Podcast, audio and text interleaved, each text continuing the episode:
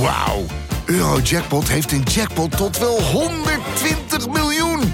En dat is zoveel money. Daarmee kan je een weekendje weg. Met je vrienden.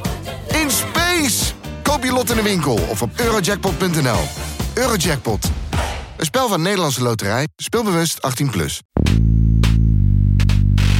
Wat ik in het hoger onderwijs zie en wat ik heel vaak bij studenten zie, is dat studenten vastzitten in wie de wereld zegt dat zij zijn. Want ze kunnen niet binnen vier jaar afstuderen en ze, ze, ze halen hun punten niet.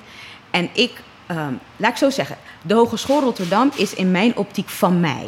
Ook al ben ik niet voorzitter. Het is van mij, omdat het is mijn instrument waarmee ik de student, maar ook de wereld laat zien dat wie jij bent niets zegt over wat je kunt zijn. En u voelt zich in hoge mate verantwoordelijk voor wat er op die hogeschool gebeurt en wat eruit komt. Ik voel me daar verantwoordelijk voor. En dat betekent soms dat ik uh, uh, boos ben, soms naar studenten toe, maar ook soms naar mijn voorzitter toe. Dat hij het op zijn kop krijgt. Soms krijgen collega's het op de kop. Soms geef ik mezelf ook op de kop. Want onderwijs moet ervoor zorgen dat mensen betere mensen zijn. En als we dat niet doen, dan uh, verdienen we tikken. Dit is Betrouwbare Bronnen met Jaap Jansen.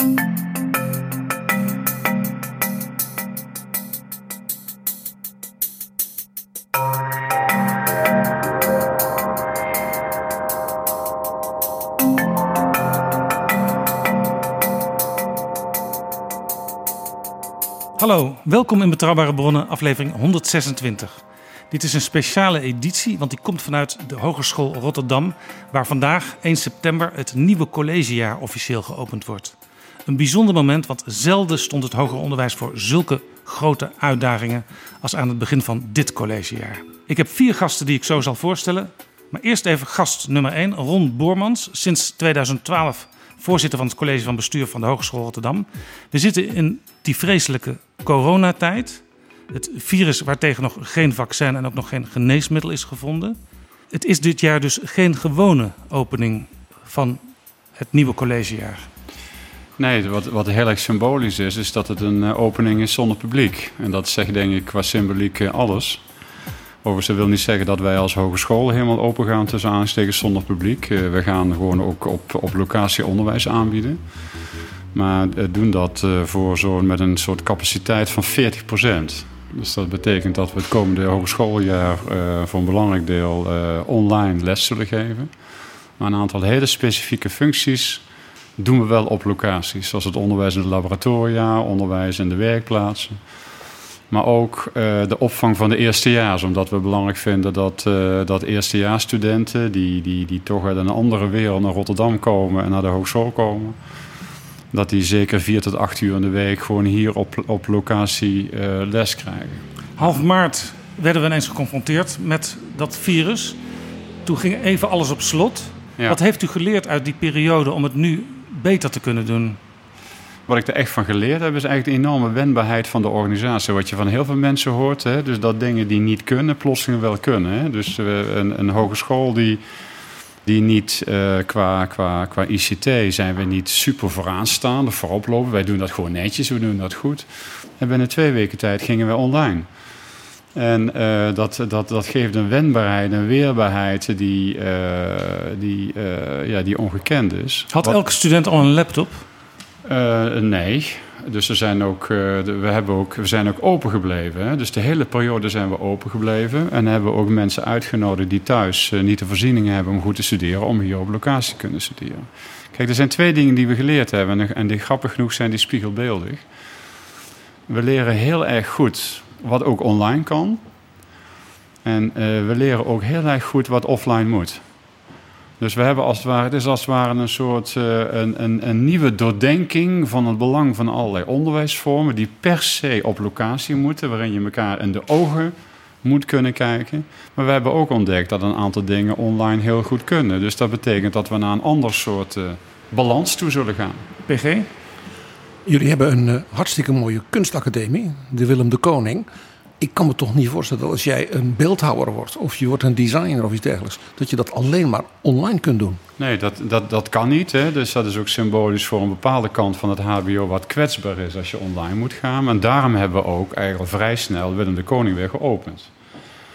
En uh, in eerste instantie alleen maar voor afgestudeerd gerelateerd werk, omdat we de, het gebouw niet zo, uh, niet zo sterk wilden belasten. Maar vanaf september zijn alle werkplaatsen open uh, en alle ateliers zijn open.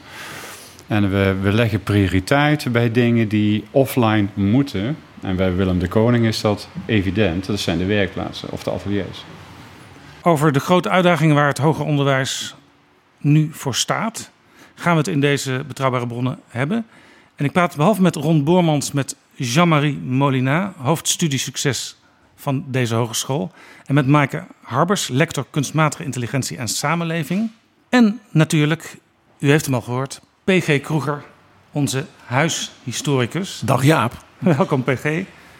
En hij komt straks aan het eind van deze aflevering met een mooi historisch verhaal over een gamechanger in de HBO-geschiedenis, het werk van Jan Karel Gevers.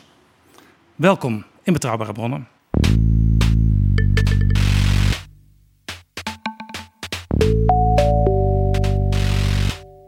Ron Bormans, veel mensen weten het niet, maar de Hogeschool Rotterdam telt zo'n 40.000 studenten en 4.000 medewerkers die zich uiteraard met heel veel verschillende soorten opleidingen bezighouden.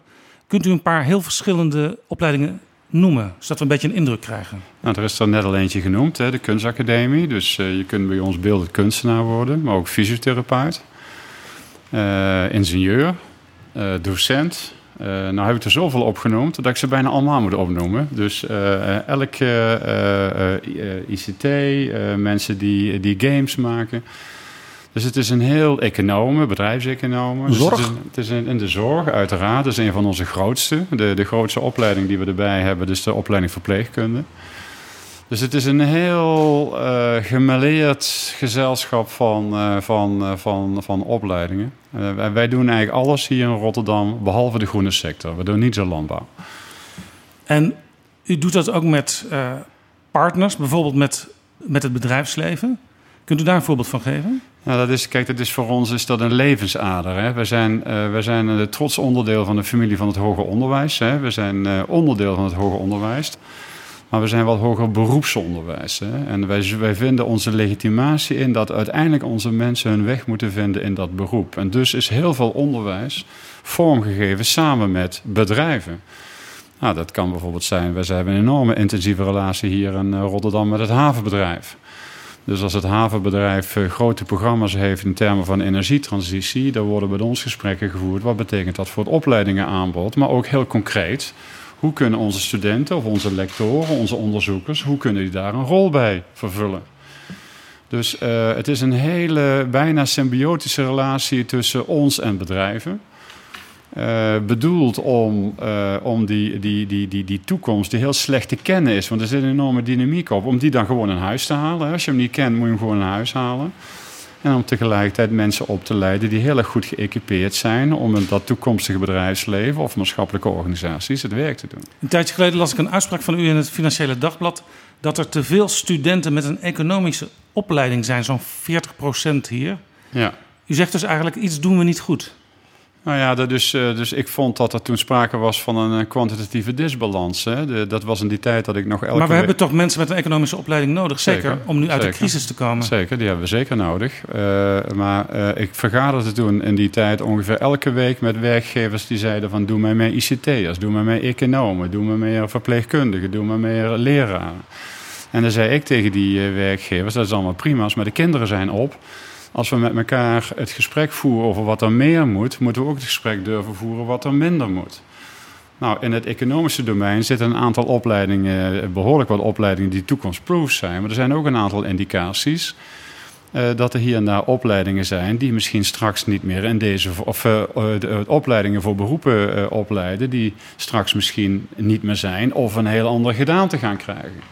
En dus heb ik in het Financieel Dagblad die steen in de vijver geworpen. Dat heeft nogal wel een discussie teweeggebracht. Want het, dat bedrijfseconomisch uh, zeg je dan wat. Want uh, uh, van die 40.000 studenten is dus uh, 16.000, ze zitten aan dat economisch domein. Dat betekent ook dat 1600 collega's daar werken. Dus daar zit ook een, een, een bedrijfseconomisch issue. Maar ik vind wel dat we dat gesprek moeten durven voeren. By the way, dat gesprek waar we aan het voeren, die kwam corona en die heeft dus alles weer omver gegooid omdat het, uh, op, op, op dit moment is er geen pijl te trekken op de arbeidsmarkt. Behalve dat we meer mensen in de zorg nodig hebben. En dat ook opleidingen als ICT en dergelijke heel erg toekomstproof zijn. Dus we, we, moeten ons weer herpakken op dat punt. Maar ik heb wel heel duidelijk een statement willen maken van we zijn beroepsonderwijs. Dat legitimeert ons bestaan. En dus moeten we niet alleen de kwalitatieve vraag stellen over de afstemming, maar ook de kwantitatieve vraag. En als ik u goed volg nu, bent u nu ook aan het kijken, kan ik me voorstellen, hoe kunnen wij de zorgopleidingen en de ICT-opleidingen binnen onze hogeschool een extra impuls geven? Ja, want dat is gewoon heel erg nodig, want dat weet je gewoon. Want die, wat de conjunctuur ook doet, data-gerelateerde opleidingen, dus ik moet niet alleen ICT zeggen, maar data-gerelateerde opleidingen, ICT-gerelateerde opleidingen. Ja, daar hoef je geen. geen uh, er zit iemand hier naast me die daar veel beter verstand van heeft. Maaike Harbers. Ja, Maaike Harbers, die, die weet daar veel meer van dan ik. Maar dat ja, dat is, dat is een blijvertje en dat wordt, alleen nog maar, dat wordt alleen nog maar groter. Dus, en dan moeten we het gesprek voeren met elkaar over, als we ergens iets meer willen, moeten we ook durven spreken over minder. Ja, ik ga straks met Maaike Harbers verder praten. Uh, maar u zit er middenin, want u houdt zich bezig met kunstmatige intelligentie. Ja, dat klopt. onder andere bent u bezig met studenten die games ontwerpen.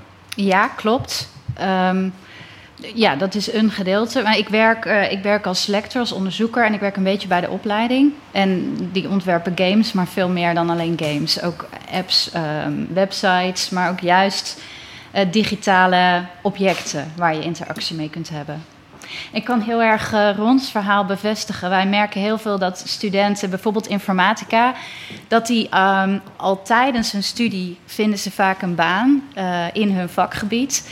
En wij hebben soms moeite om ze vast te houden, om te zeggen: nee, kom, kom wel je, je studie afmaken zodat je een diploma krijgt. Want ze hebben al werk. Ja. Dus dat toont de, ja, de vraag om uh, goed maar te Maar dat is misschien een diploma ook niet nodig voor die studenten, want ze, ze zijn er al. Ik denk van niet, eh, want misschien op dat moment hebben ze een baan, maar als je door wil groeien, dan is het vaak toch wel heel fijn om een, uh, een bachelor diploma op zak te hebben. Ja, maar het geeft in ieder geval aan, uh, Ron Boormans, uh, dat deze studenten en vooral deze afgestudeerden hard nodig zijn. PG, jij wilde hier ook nog iets over zeggen. Ja, wat je hier dus ziet bij het betoog van Sven Bormans als de lector, is dat een laag afstudeerrendement dus een signaal van groot succes kan zijn. En dat is iets wat bijvoorbeeld de ambtenaren van Financiën en van het ministerie van Onderwijs niet begrijpen. Verklaar je even nader, een laag afstudeerrendement. Ja, nou, je bedoelt als mensen al een baan hebben en die hebben een baan, stoppen. Stoppen dan of gaan nog een paar jaar door, halen bij een beetje studiepunten. De heer Bormans krijgt dan gewoon minder geld van mevrouw van Engelshoven. Ik praat straks met Jean-Marie Molina. En die gaat juist over ook studenten helpen op een goede manier af te studeren. Ook als ze een tijdje klem zitten. Hoe kijkt u daarnaar? Want ja, als studenten al voor het afstuderen een baan hebben, dan zou je alleen maar kunnen juichen. Nou, ik juich niet als studenten voor uh, het afstuderen een baan hebben. Een laag afstudeerrendement is juist een teken dat het niet goed gaat. Want als deze jonge mensen juist uh, uh, verder ontwikkeld zijn, dat zou moeten betekenen dat ze sneller naar de eindstreep zouden kunnen en dat ze sneller af zouden moeten studeren. Um, en wat we nu zien is dat heel veel jonge mensen denken: ja, ik heb een baan. Maar de afgelopen maanden, sinds maart, zie ik ook binnen de hogeschool dat studenten die hun studie niet hebben afgemaakt, nu allemaal geen baan meer hebben. En toch nog terugkomen van: goh, ik moet de diploma toch nog even halen. Dus uh, die diploma moet komen. Het gaat dus ook om dat je afstudeert als een soort bewijs dat je die algemene kennis onder de knie hebt. Ja, het afstuderen is het bewijs dat je voldoende competent bent om datgene uit te oefenen in de praktijk waarvoor je opgeleid bent. En als je die diploma niet hebt, hoe goed je het werk ook doet, hoe mooi je betaald wordt, je bent nog steeds onvoldoende competent. En wij doen niet aan incompetentie aan Hogeschool Rotterdam. Ron? Nou, ik, ik, wil dat graag aanvullen, want uh, Jean-Marie die vliegt het heel erg uh, helder aan vanuit het perspectief van de studenten. Uh, maar ook als je naar de Nederlandse samenleving kijkt. Ik noem de Nederlandse samenleving altijd een diploma-samenleving. Hè? Dus wij zijn toch echt wel een beetje van de papiertjes. Hè? Ja. En ik hoor vaak de redenering van PG, die kan ik volgen. Dus als je kunstenaar wordt bijvoorbeeld, ja, dan ligt dat toch net anders dan wanneer je in een ander vak gaat. We moeten ook niet vergeten dat er nog heel veel beroepen zijn waarin gewoon formele eisen aan mensen gesteld hebben voordat je die beroepen mag uitoefenen. Je, je, je mag alleen maar verpleegkundige worden. Je krijgt je BIG-registratie alleen maar als je, gewoon, als je gewoon een diploma hebt. Dus uh, wat Jean-Marie terecht zet, is er heel vaak een korte termijn belang van de student en op korte termijn genot dat je alvast dat werk hebt. Een van de grote problemen van het leraartekort op dit moment is dat mensen niet afstuderen. En weet je waarom mensen niet afstuderen? Omdat ze als tweedejaars leraaropleiding, leraar natuurkunde voor de klas staan hier op Zuid. Geld, meer geld verdienen dan bij Albert Heijn. En dus denken van, hé, hey, uh, uh, ik blijf dat lekker doen. Totdat een keer die conjunctuur omslaat. En dan zijn die mensen die slechts twee jaar HBO genoten hebben, zijn er als eerste aan de beurt om uit het systeem verwijderd te worden. Dus laten we die, die, die, die modernisme, excuseer le mot, uh, van, uh, van dat we wel zonder diploma's kunnen. In individuele gevallen kan dat. En kan dat ook een teken van kracht zijn. Maar generiek gezien, voor de, voor de meeste opleidingen, de meeste van onze studenten, is het een risico. Ja, we komen hier straks nog verder op terug uh, met, met Jean-Marie Molina. Als we nu even een helikopterview nemen en boven het hoger onderwijs in Nederland gaan hangen. En dan bedoel ik zowel het HBO als het wetenschappelijk onderwijs. Wat zijn nou de twee grootste uitdagingen uh, waar het hoger onderwijs in Nederland voor staat de komende tijd? Nou ja, ik denk dat studiesucces vinden wij wel een van de grootste uitdagingen die er zijn. Uh, vind, ik zelf een hele, vind ik zelf een hele belangrijke, dat is één. Twee, wordt met name het HBO op allerlei terreinen toch uitgedaagd om zeg maar, het beroepsperspectief opnieuw te definiëren. Je ziet in heel veel opleidingen toch een dynamiek gaande. Waarbij als het ware de vanzelfsprekende eindkwalificaties er net wat anders uitzien. Al was het alleen maar vanwege die, die datakant die, die niet meer los te zien is van verpleegkunde, van economie, van al die opleidingen die we Het is hebben. waarschijnlijk ook moeilijk te voorspellen hoe over tien jaar de arbeidsmarkt ja, eruit ziet. Ja. En dat is een hele lastige puzzel, want sommige mensen zeggen dan van de inhoud doet er niet meer toe. Nou, ik ben helemaal niet van die fractie. Uh, ik, ik blijf zeggen, de inhoud doet er niet toe. We kunnen niet alleen maar toe met wat mensen dan noemen metacompetenties. Maar we hebben wel degelijk die inhoud, maar het ontwerpproces van het onderwijs als het ware via een deductie van achter naar voren redeneren van een duidelijk beroepsprofiel naar duidelijke onderwijsinhoud, dat wordt heel erg complex. En een derde uitdaging, en daar hebben ook de universiteiten mee van doen, denk ik, de plek van het hoger onderwijs in de moderne samenleving. Een samenleving die gekend wordt ook door racisme, door fake news, door, door interne spanningen, door allerlei grote maatschappelijke vraagstukken, als die zich voordoen, gieren die door zijn hogeschool, door zijn universiteit. En daar moeten wij een antwoord op hebben, omdat wij ongeveer het laatste bastion zijn.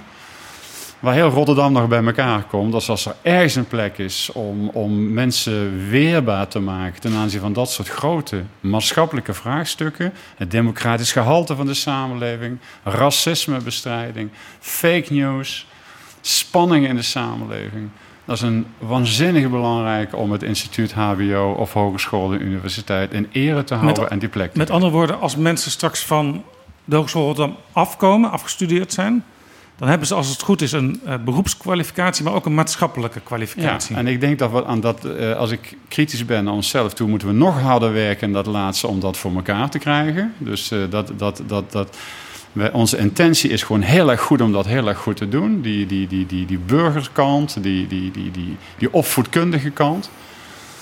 Maar de, de, de, de, recente discussie bijvoorbeeld rondom uh, racisme, maar ook wat er in de samenleving ga, gaande is rondom democratie en hoe, hoe pers beleefd wordt en dergelijke. Uh, is, een, is een extra uh, aanmoediging om, om die kant van het onderwijs heel erg kracht bij te zetten. Niet alleen in hogescholen, ook bij uitstek bij universiteiten. PG? Ik, ik, ik noem toch nog even de olifant in de Kamer. in het onderwijs. En dat is natuurlijk gewoon de vergrijzing en de krimp. Het HBO over tien jaar is gewoon kleiner dan het HBO nu. De universiteiten kunnen alleen nog groeien door meer buitenlandse studenten toe te laten. Dat is natuurlijk ook wel een punt voor uw strategisch beleid. Ja, dat is het zeker. Dat is, uh, dat, dat, dat, is een issue. Ik, uh, ik, ik, mocht twee dingen noemen. Ik heb er stiekem drie van gemaakt. Ik heb het gehoord. Uh, dus, maar dat is zeker een issue. En dat kan, dat kan ook spanningen geven tussen Randstad en de rest van Nederland. Omdat die krimp zich op bepaalde plekken manifesteert. En het zou, als je dat extrapoleert, zouden misschien bepaalde universiteiten suboptimaal kunnen worden. En ook bepaalde hogescholen suboptimaal kunnen worden. Ja, uh, en, dat, en dat geeft natuurlijk, dat is een enorme opgave, uh, wat ook in een veel breder perspectief geplaatst moet worden. Zeeland uh, is een provincie waarin allerlei voorzieningen verdwijnen, dus die hebben dat HBO nodig. Maar dat HBO kan wel op een gegeven moment een suboptimale schaal krijgen. Ja. Nou, dat zou kunnen leiden tot allerlei spannende discussie over re realocatie van middelen. En dan ga ik nu natuurlijk roepen hier in Rotterdam, ja, hou eens even is allemaal mooi en aardig dat dan naar Zeeland gaat. Maar wij hebben ook hier onze issues hier in deze, in deze stad. Dus, U zou dus ook de Hogeschool Zeeland als Hogeschool Rotterdam kunnen gaan exploiteren. Ja, ik, denk niet, ik, ik, denk niet dat het helpt als ik ze uitnodig om, uh, om aan te sluiten bij Hogeschool Rotterdam. Maar uh, als jij een poging doet, uh, PG, ik steun het van harte. Dit is Betrouwbare Bronnen. Een podcast met betrouwbare bronnen. We hadden het er al een beetje over Jean-Marie Molina. U bent hoofddocent studiesucces. Wat is dat eigenlijk, hoofddocent studie successen? Hoeveel zijn er daarvan in Nederland? Eh, binnen de Hogeschool Rotterdam um, ben ik expert op het gebied van succesbevorderende onderwijs. Dus ik hou me bezig met de vraagstuk hoe kunnen we onderwijs ontwerpen, hoe kunnen onderwijs aanbieden, maar ook hoe onderwijsprofessionals, dus docenten, maar ook onderwijsadviseurs, hoe kunnen zij uh, het leer- en ontwikkelingsproces van studenten het beste dienen. Om zo ervoor te zorgen dat studenten de studie goed kunnen afmaken. Daar komt een hoop psychologie bij kijken, er denk komt ik. een, hoog, een hoop, klopt. Uh, psychologie, onderwijs, uh, die, die gaan hand in hand. Klopt. En hoeveel hoofddocenten zijn er nou? Voor zover ik het weet, ben ik de enige hoofddocent studie succes van Nederland. De enige? Ja. Hoe kan klopt. dat? Want, nou, het, want het, het, het, overal zijn natuurlijk problemen met studenten die vastlopen of die misschien met een klein beetje steun uh, het beter kunnen doen.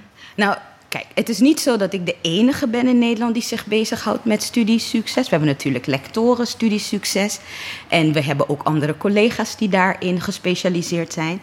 Um, maar u bent hoofddocent? Maar ik ben hoofddocent. En dat komt door twee dingen. Onder andere omdat ik uh, een voorzitter heb die mij de ruimte heeft gegeven om zelf uh, mijn functie vorm te geven en mijn werk vorm te geven. Is die voorzitter Ron Bormans? Dat is Ron Bormans, ja. Ik heb van Ron het vertrouwen en de ruimte gekregen om een functie vorm te geven uh, naarmate mijn expertise en naarmate wat ik dacht dat de hogeschool nodig had. Dus in die zin is het uniek.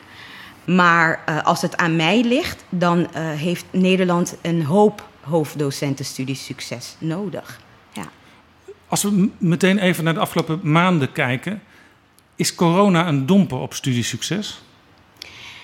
Die vraag is mij heel vaak gesteld. En um, ik zou zeggen ja en nee. Uh, ja, omdat uh, studenten nu door de corona uh, meer geïsoleerd raken. Um, meer problemen hebben met het creëren van structuur. Meer problemen hebben met dagritme, omdat ze alleen zijn. Dus in die zin is het wel een domper, omdat het vaker gebeurt. Ja, daar is ook onderzoek naar gedaan. Hè? Ook onder studenten op de hogeschool hier. Ja. Uh, een hele grote groep is toch, heeft, het er, heeft het er moeilijk mee. Ja, die is, heeft het moeilijk, vindt het moeilijk om, de, om zelf op discipline te vinden. Klopt. Um, maar de, de andere kant, en daarom zeg ik nee, is omdat het, het feit dat de studenten nu problemen hebben met dit soort aspecten, ligt eigenlijk in dingen voor de coronatijd. De studenten die voor de coronatijd niet in staat waren om gestructureerd te studeren, een dagritme hebben, die studenten hebben het extra moeilijk. Maar, um, dus ja, ja en ook nee. Ja. U krijgt studenten bij u op bezoek. Ik kan me voorstellen dat dat soms eventjes duurt voordat een student de weg naar u gevonden heeft. Want uh, dat is altijd als je een, een, probleem ondervindt, dan ga je er eerst zelf een beetje over nadenken. Je gaat denken van, wat kan ik eraan doen? Op een gegeven moment denk je van, nou ja, ik, zo kom ik toch niet echt verder. En op een gegeven moment komt een student bij u. En wat is dan uw geheim om ze toch weer op het goede spoor te krijgen? Iedereen is benieuwd naar dat geheim. Hè? um, kijk, studenten uh, komen bij mij heel vaak als laatste hoop. En dat heeft te maken met twee dingen. Uh, aan de ene kant heeft het te maken met hoe we in de maatschappij, maar ook in het hoger onderwijs kijken naar uh, succes en falen in het onderwijs. Heel vaak wanneer studenten het inhoudelijk niet goed doen, dan uh, krijgt dat een soort persoonlijke uh, uh, categorie. Het zal wel aan mij liggen. Ja, dat komt ook aan de ene kant door studenten, maar ook door de maatschappij die heel snel ontwikkelingen toeschrijft aan de persoon van iemand. Een student die dan naar mij komt, die moet dan die grote drempel over van ik ben niet goed genoeg. Dus de meeste studenten die bij mij komen, die komen echt met gebogen hoofd en zo van ja, ik ben toch wel een uitschot en ik wil, maar ik wil het toch, kunt u mij helpen? Um, nou, het eerste wat, wat, wat ik doe, en dat is eigenlijk het eerste het deel van mijn geheim, en de rest ga ik niet helemaal vertellen, want dat kan gewoon niet. Um, ik gun u uw geheim. het eerste deel van mijn geheim is dit. Het onderwijzen van studenten is een proces. Dus ik heb het niet over de individu. Ik heb het niet over wie de student is. Ik heb het over het proces van de student. En daardoor maak ik het voor de student en voor het systeem wat makkelijker. Want we hebben het niet meer over Ron die niet kan schrijven. En Ron die dan een domme jongen is, of een, hè, of een langstudeerder. Maar we hebben het over Ron, de jongen die een opdracht moet uh, volbrengen en die weet nog niet hoe dat moet. Dus door het, het depersonaliseren van het proces, daar ligt al de grootste geheim. En een ander deel van mijn geheim, dat wil ik wel delen, is dat ik studenten feitelijk leer. Leren. Want heel veel van studenten die bij mij komen, die kunnen niet leren. Dus tot zover het geheim. We hebben twee vragen over dat depersonaliseren uh, en meer naar het proces kijken. Dat is ook waarschijnlijk bedoeld om een last van de schouder van die individuele student af te halen. Dat het allemaal alleen maar aan die student zelf ligt. Voor een deel. Uh, studiesucces kan nooit het resultaat zijn van de student alleen. Wat ik heel vaak in het hoger onderwijs zie, is dat als het niet goed gaat, dan wordt dat helemaal bij de student neergelegd. Student is niet gemotiveerd, student kan het niveau niet aan enzovoort. Waar minder vaak naar gekeken wordt, is: wordt de docent die het proces voor de student moet faciliteren, is die voldoende gefaciliteerd zelf? Kan die docent zelf leren? Uh, want je ziet ook soms dat docenten studenten dingen moeten aanleren die ze zelf niet kunnen. Niet omdat ze dom zijn, laat ik dat helder zijn, maar omdat ze bepaalde tools zelfs niet hebben. Ja. Um, dus het depersonaliseren maakt eigenlijk dat we de nadruk leggen waar het hoort te zijn, namelijk de groei en ontwikkeling. En niet op de mens. We hebben ook zoveel dingen tegen. Dus we, dat gaan we niet doen. Dus leren leren geldt zowel voor de student als voor de docent? Ja, en... um, want docenten, uh, uh, zij zijn degene die het proces begeleiden. Ik maak het heel klein. We, we, we, we, zien bijvoorbeeld in het onderwijs een bekend fenomeen. Een docent heeft een les en heeft een lesvoorbereiding gedaan. Heeft een PowerPoint-presentatie gemaakt. Heel mooi. Maar die PowerPoint-presentatie zit vol met woorden. Een docent die staat dan voor de klas of in de groep en gaat dat dan bijvoorbeeld voorlezen. Dat is bijvoorbeeld een van de minst effectieve manieren om het leren te bevorderen. En toch zien we dat docenten dat blijven doen. Wanneer we docenten bijvoorbeeld door de cognitieve psychologie leren dat het praten uh, en, en tegelijkertijd luisteren en opschrijven niet samengaan, maar dat het beter is voor een docent om bijvoorbeeld plaatjes te gebruiken en een verhaal te vertellen, waardoor de student minder moet richten op al die tekst, maar meer het verhaal en kan werken. Dat zijn dingen waardoor docenten effectiever zijn. Dus we, we doen in het onderwijs soms dingen vanuit ons buik of waarvan we heel veel gewend zijn om te doen.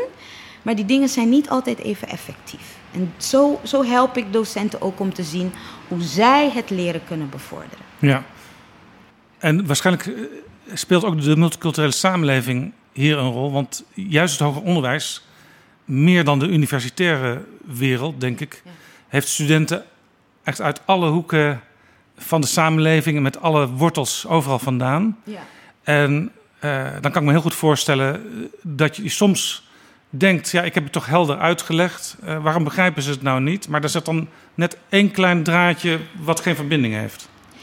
Nou, ik, ik denk, ik als docent denk ik dat, het, eh, dat het niet goed is als een docent gaat denken van ik heb het heel goed uitgelegd, dus er zit een draadje los of ze begrijpen het niet. Ik denk dat wat Nou, ook docent... te- ik bedoel ook tussen die docent en die student. ja, hè? dat snap ik. Maar het misschien een andere student wel werkte. Dat kan, maar we moeten twee dingen beseffen. Nummer één, geen één student heeft hetzelfde verhaal. En dat is eigenlijk. Dat ligt niet aan het feit dat we hier in Rotterdam studenten hebben van veel verschillende culturele achtergronden. Want ik heb op de universiteit gezeten, daar is het ook zo. Ehm, het, het heeft te maken met de verhalen waarmee studenten naar het, naar het onderwijs komen. En op het moment dat wij ons richten op die verhalen en we begrijpen die verhalen, want die verhalen bepalen ook studiesucces. Als wij nou de studenten zelf leren om anders te kijken naar hun verhalen, waardoor ze anders de realiteit ervaren, leren we ze ook anders mee om te gaan. Maar dat is een proces van twee delen. We moeten ook docenten leren anders te kijken naar verhalen en niet vanuit hun eigen perspectief.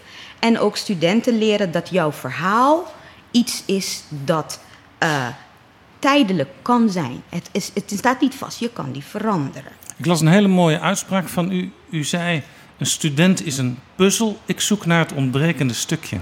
Dat klopt. Zo, zo kijk ik naar studenten en naar het leerproces. Het zijn ook mooie, prachtige puzzels. Er mist soms een stukje.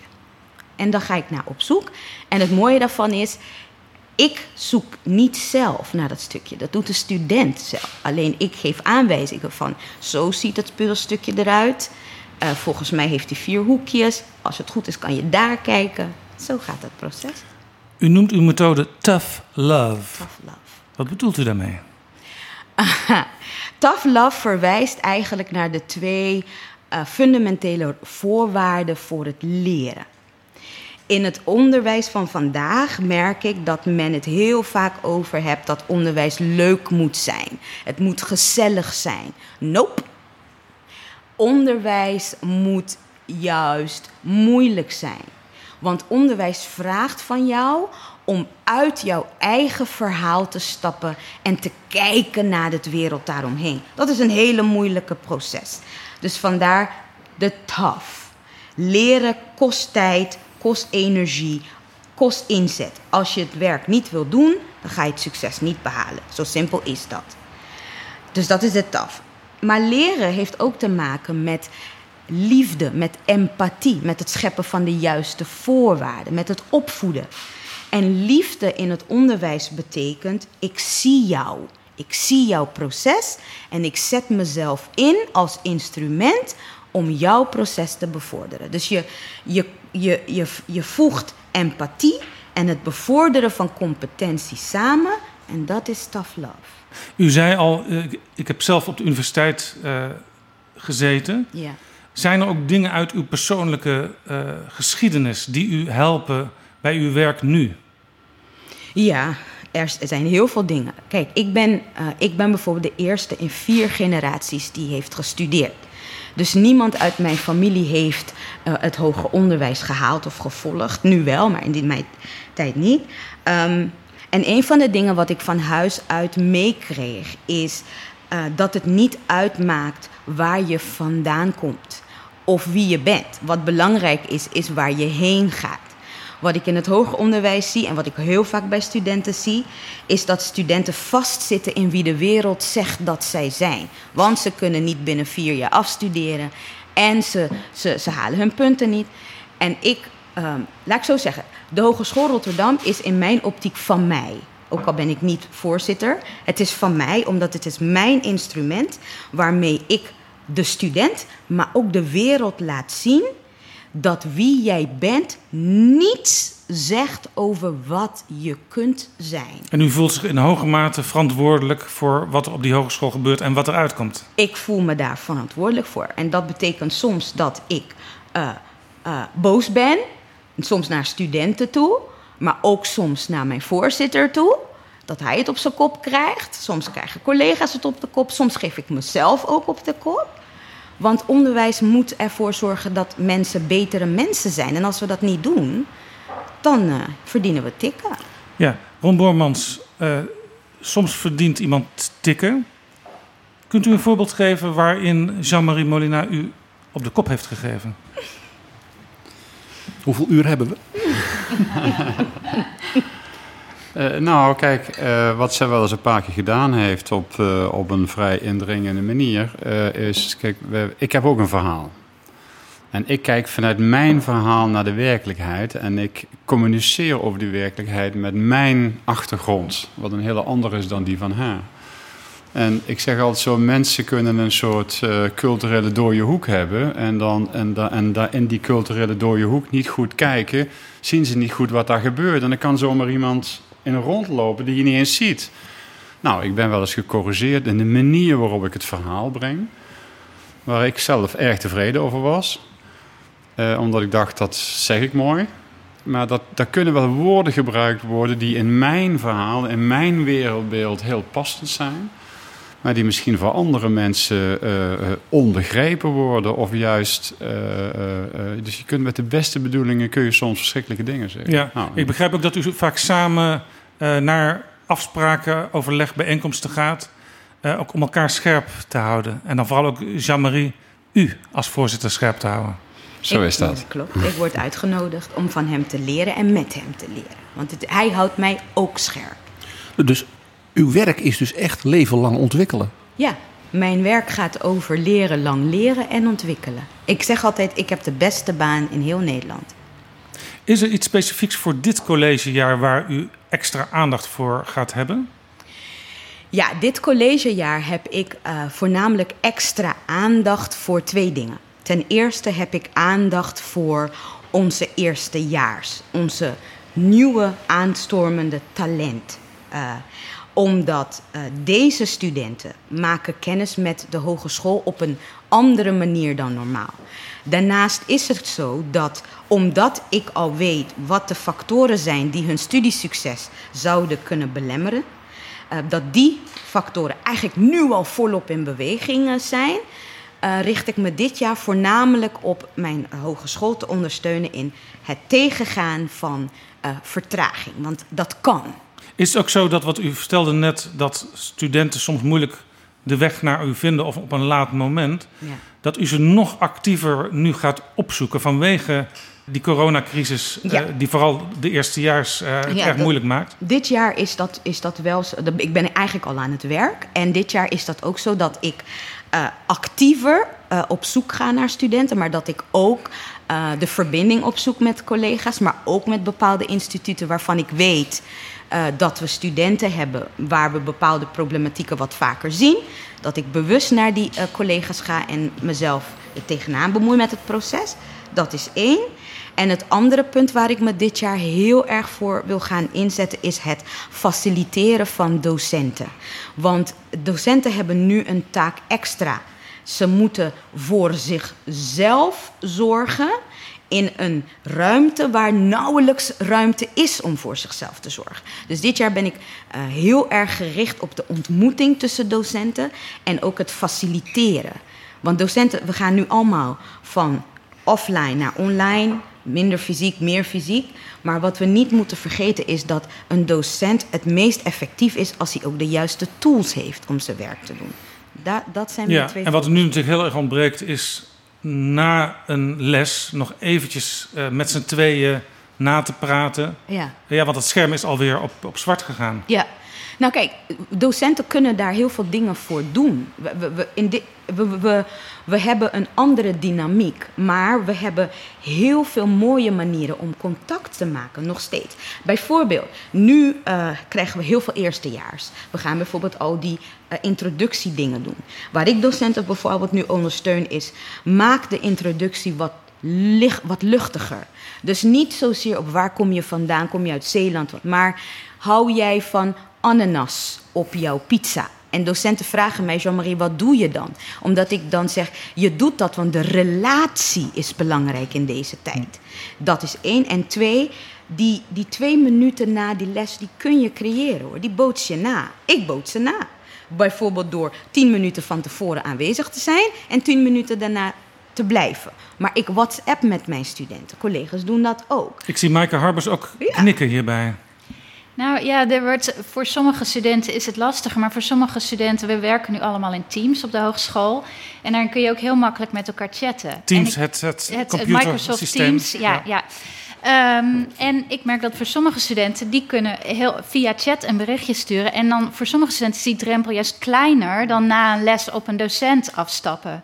Dus ja, net als ik om me heen zie, voor sommige collega's eh, vinden het verschrikkelijk om eh, alleen maar online en thuis te werken. Maar er zijn ook collega's die het eigenlijk best, eh, nou ook wel heel veel voordelen ervan inzien. En ik denk dat voor studenten hetzelfde geldt. Er zijn er die beter varen bij fysiek onderwijs, maar er zijn er ook wel wat die juist misschien wel beter tot hun recht komen. Er worden in zekere zin dus ook ontdekkingen gedaan nu Ja. over hoe je onderwijs kunt verbeteren. Ja.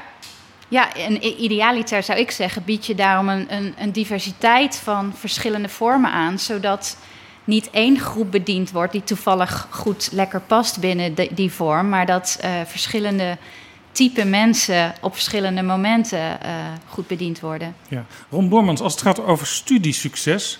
Ik zag dat begin 2019 u besloten had eh, geen werving van studenten meer te doen op de Antilliaanse eilanden. Want driekwart van die studenten haalt bij ons de eindstreep niet. Maar dat kun je toch eigenlijk niet accepteren dat zoveel studenten dat dat. Daar moet toch een oplossing voor zijn, zou je kunnen zeggen. Ja, daar, moet zeker een oplossing voor komen. Overigens, we zijn, we zijn niet gestopt met de werving, maar we zijn gestopt met reclamepraatjes. En we zijn gestopt met eh, de indruk wekken dat als je hier naartoe komt, eh, eh, dat, je dan, dat er zeg maar gegarandeerd succes is. Dus ik, ik heb toen het zware woord gebruikt. Eh, eh, dat, dat het, er zat een element van misleiding in, omdat je een toekomst voorspiegelt aan jonge mensen, zeg maar de crème de la crème van de eilanden. Die maken die oversteek hier naartoe. En heel veel van die jonge mensen zijn gewoon eenzaam in, dat, in, het, in het koude najaar, voelen zich niet goed opgevangen en hebben te maken met een, een eigen verhaal, wat niet altijd aansluit bij het verhaal van de hogeschool. Dus ik heb namelijk twee dingen gedaan. Nou, dit element wordt steeds benoemd. Ik heb ook iets anders gedaan, namelijk een plan bij de overheid neergelegd om dat probleem dan wel op te lossen. Ik ben gaan praten met de vertegenwoordigers van de eilanden, met de vertegenwoordigers van de scholen, met studenten zelf gaan praten. Dus wij, wij, wij heten iedereen hier welkom. Er komen ook mensen vanuit, eh, vanuit, eh, vanuit de eilanden. Eh, wij doen erg ons best om dat te verbeteren. Maar ik probeer ook in gesprek te komen met het onderwijs al daar. En met de, met de, met de, de, de, de gezagsdragers al daar. Omdat daar ook een aantal dingen moeten gebeuren. We moeten ook de dingen bij de. Ja, ik moet een beetje voorzichtig zijn, want ik, dat, dit heeft me een hoop kritiek opgeleverd. Je, je haalt net de twee dingen eruit die de afgelopen jaar nogal een discussies opge, opgeroepen hebben omdat mensen het natuurlijk ook in dat perspectief Nederland, eh, Nederland-eilanden geplaatst hebben. hè. Zo'n zo'n zo'n zo'n kale witte regent uit Nederland die vertelt hoe het beter moet. Terwijl ik het vanuit de beste intentie gedaan heb en om te gaan, om te gaan helpen. Maar we moeten niet eh, jonge mensen aan het lot overlaten Nee. als ze een taalniveau beheersing hebben X op de eilanden en hier een eis gesteld wordt van Y. Dan moeten of wij hier iets met onze ei doen, of al daar moet iets met, ons, met de X gebeuren. Dat heb ik aan de orde gesteld. En in die context heb ik gezegd, Ja. we gaan geen reclamepraatjes meer Ja, dus, houden. dus eigenlijk twee dingen. Eerst eh, de verwachtingen wat lager stellen door minder actief eh, te werven, reclame te maken daar. Maar ondertussen wel te werken aan Zeker. methodes om de kloof weer kleiner te maken. Zeker. Dat is een vorm van tough love. Nou ja, ik denk, dat dat, heel, ik denk dat dat heel erg goed zou zijn. Eh, kijk, die, die mensen die het redden, eh, er wordt over gesproken met zijn toon van een probleem. Ik heb heel veel van de studenten gesproken die daar vandaan komen die het gered hebben. Dat zijn ijzersterke, zeer intelligente mensen. Als je ziet welke barrières die moeten nemen om hier succesvol te zijn. Maar er zit natuurlijk ook iets cynisch in. Want heel veel van die mensen zijn hier meer dan welkom op de arbeidsmarkt. Terwijl je, misschien, terwijl je ook moet nadenken over de ontwikkeling van die, van die gebieden al daar. Dat, dat, dat zijn heel veel talenten, heel veel van die mensen die dan die geneeskunde gestudeerd hebben. Ja. die, zijn, die zijn meer dan van harte welkom Ja. hier aan de overkant. U, u, u zegt er zijn taalbarrières. Jean-Marie, klopt het dat die taal soms als een probleem gezien wordt, terwijl het, als ik u goed begrijp, toch vooral om het elkaar begrijpen gaat? Kijk, taal is een onderdeel van het probleem. Dat zegt Ron heel goed. En dat, dat, dat gaat niet alleen maar om uh, de meneer of de mevrouw voor mij die Nederlands spreekt en ik gebrekkig Nederlands. Maar taal is natuurlijk ook een symboliek van gedachten, van normen, van waarden. De manier waarop we dat met elkaar delen. En uh, in taal schuilt ook impliciet een bepaald code van gedrag, code van verwachtingen. En de studenten die komen uit de Antillen, die spreken in die zin een andere taal. Ik ben een van de weinigen, denk ik, die uh, eigenlijk zat te juichen toen Ron dat zei. Ik was het ook echt, ben ik nog steeds volledig met hem eens. Het waren moeilijke woorden die hij heeft uitgesproken, maar het waren wel de correcte en de juiste woorden. Want studiesucces betekent voor deze specifieke groep studenten dat wij het in Rotterdam of in Nederland het niet alleen kunnen. We moeten kijken naar de, de input voor de verhalen van de studenten. En Ron zegt terecht: laten we geen verkeerde verwachtingen scheppen, maar laten we ook de verantwoordelijkheid neerleggen waar die hoort, namelijk bij ons allemaal. En dat is soms moeilijk om te horen, maar tough love is tough love. Het werkt, dus hij heeft wel gelijk. Ik wil zo overgaan op een andere vorm van taal, namelijk kunstmatige intelligentie. Maar even tussendoor, uh, Ron Boormans. Er zijn veel meer afgestudeerde mensen in de zorg en in de, zeg maar, de ICT of high-tech uh, nodig. Ik hoor uh, grote bedrijven, bijvoorbeeld Philips, klagen dat er te weinig studenten worden afgeleverd voor hun innovatieve bedrijven. Mm -hmm. En, en uh, wat is de vraag? Ja, wat doet u eraan? nou ja, kijk, dat is, dat is een. Dat, is een, uh, dat, dat klopt, hè? Uh, kijk, wij, wij bepalen in Nederland niet wat mensen studeren. Hè? Dus er is een soort principe in Nederland dat, dat de individuele keuze van mensen bepaalt wat ze gaan doen. Hè? Je zou het zo kunnen zeggen vanuit een strategisch perspectief. De, het collectief van de workforce in Nederland wordt bepaald door de optelsom van de individuele afweging van 17 en 18-jarige mensen. Als die namelijk massaal niet techniek gaan studeren, hebben wij straks een workforce waar geen technici in zitten.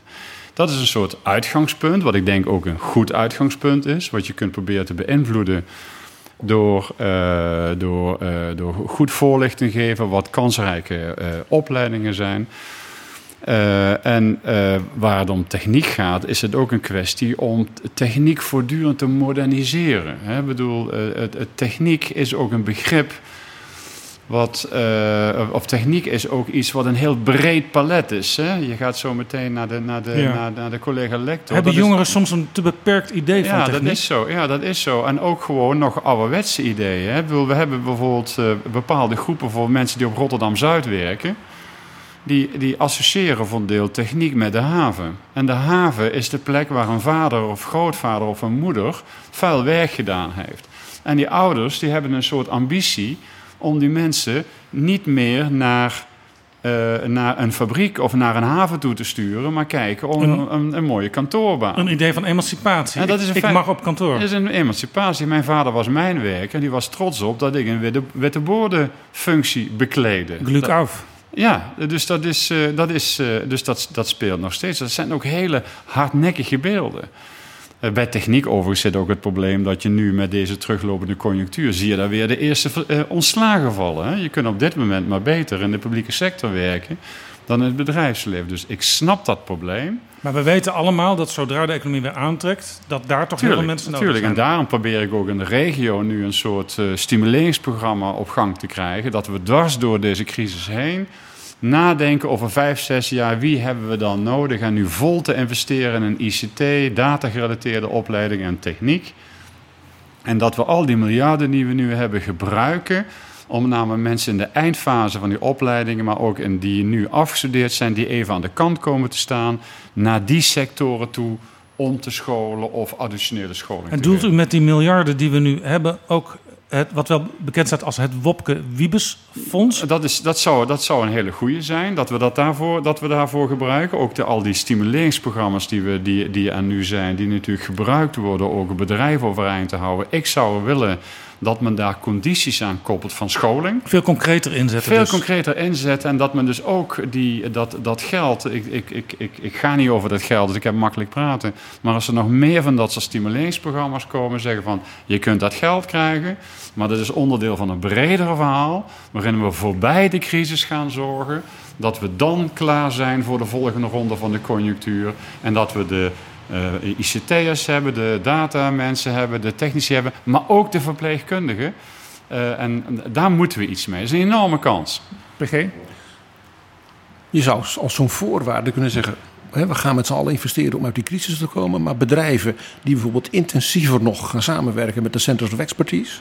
de Centra voor Innovatief Vakmanschap... ik zeg maar wij zijn katapult... Hè, dan dat je zegt, die bedrijven hebben een streepje voor. Dat is een onderdeel van dat vernieuwingsproces voor na die crisis, dat je daar intensiever mee samenwerkt. Even opheldering, PG. Wij zijn Catapult, noem je. Wat is dat?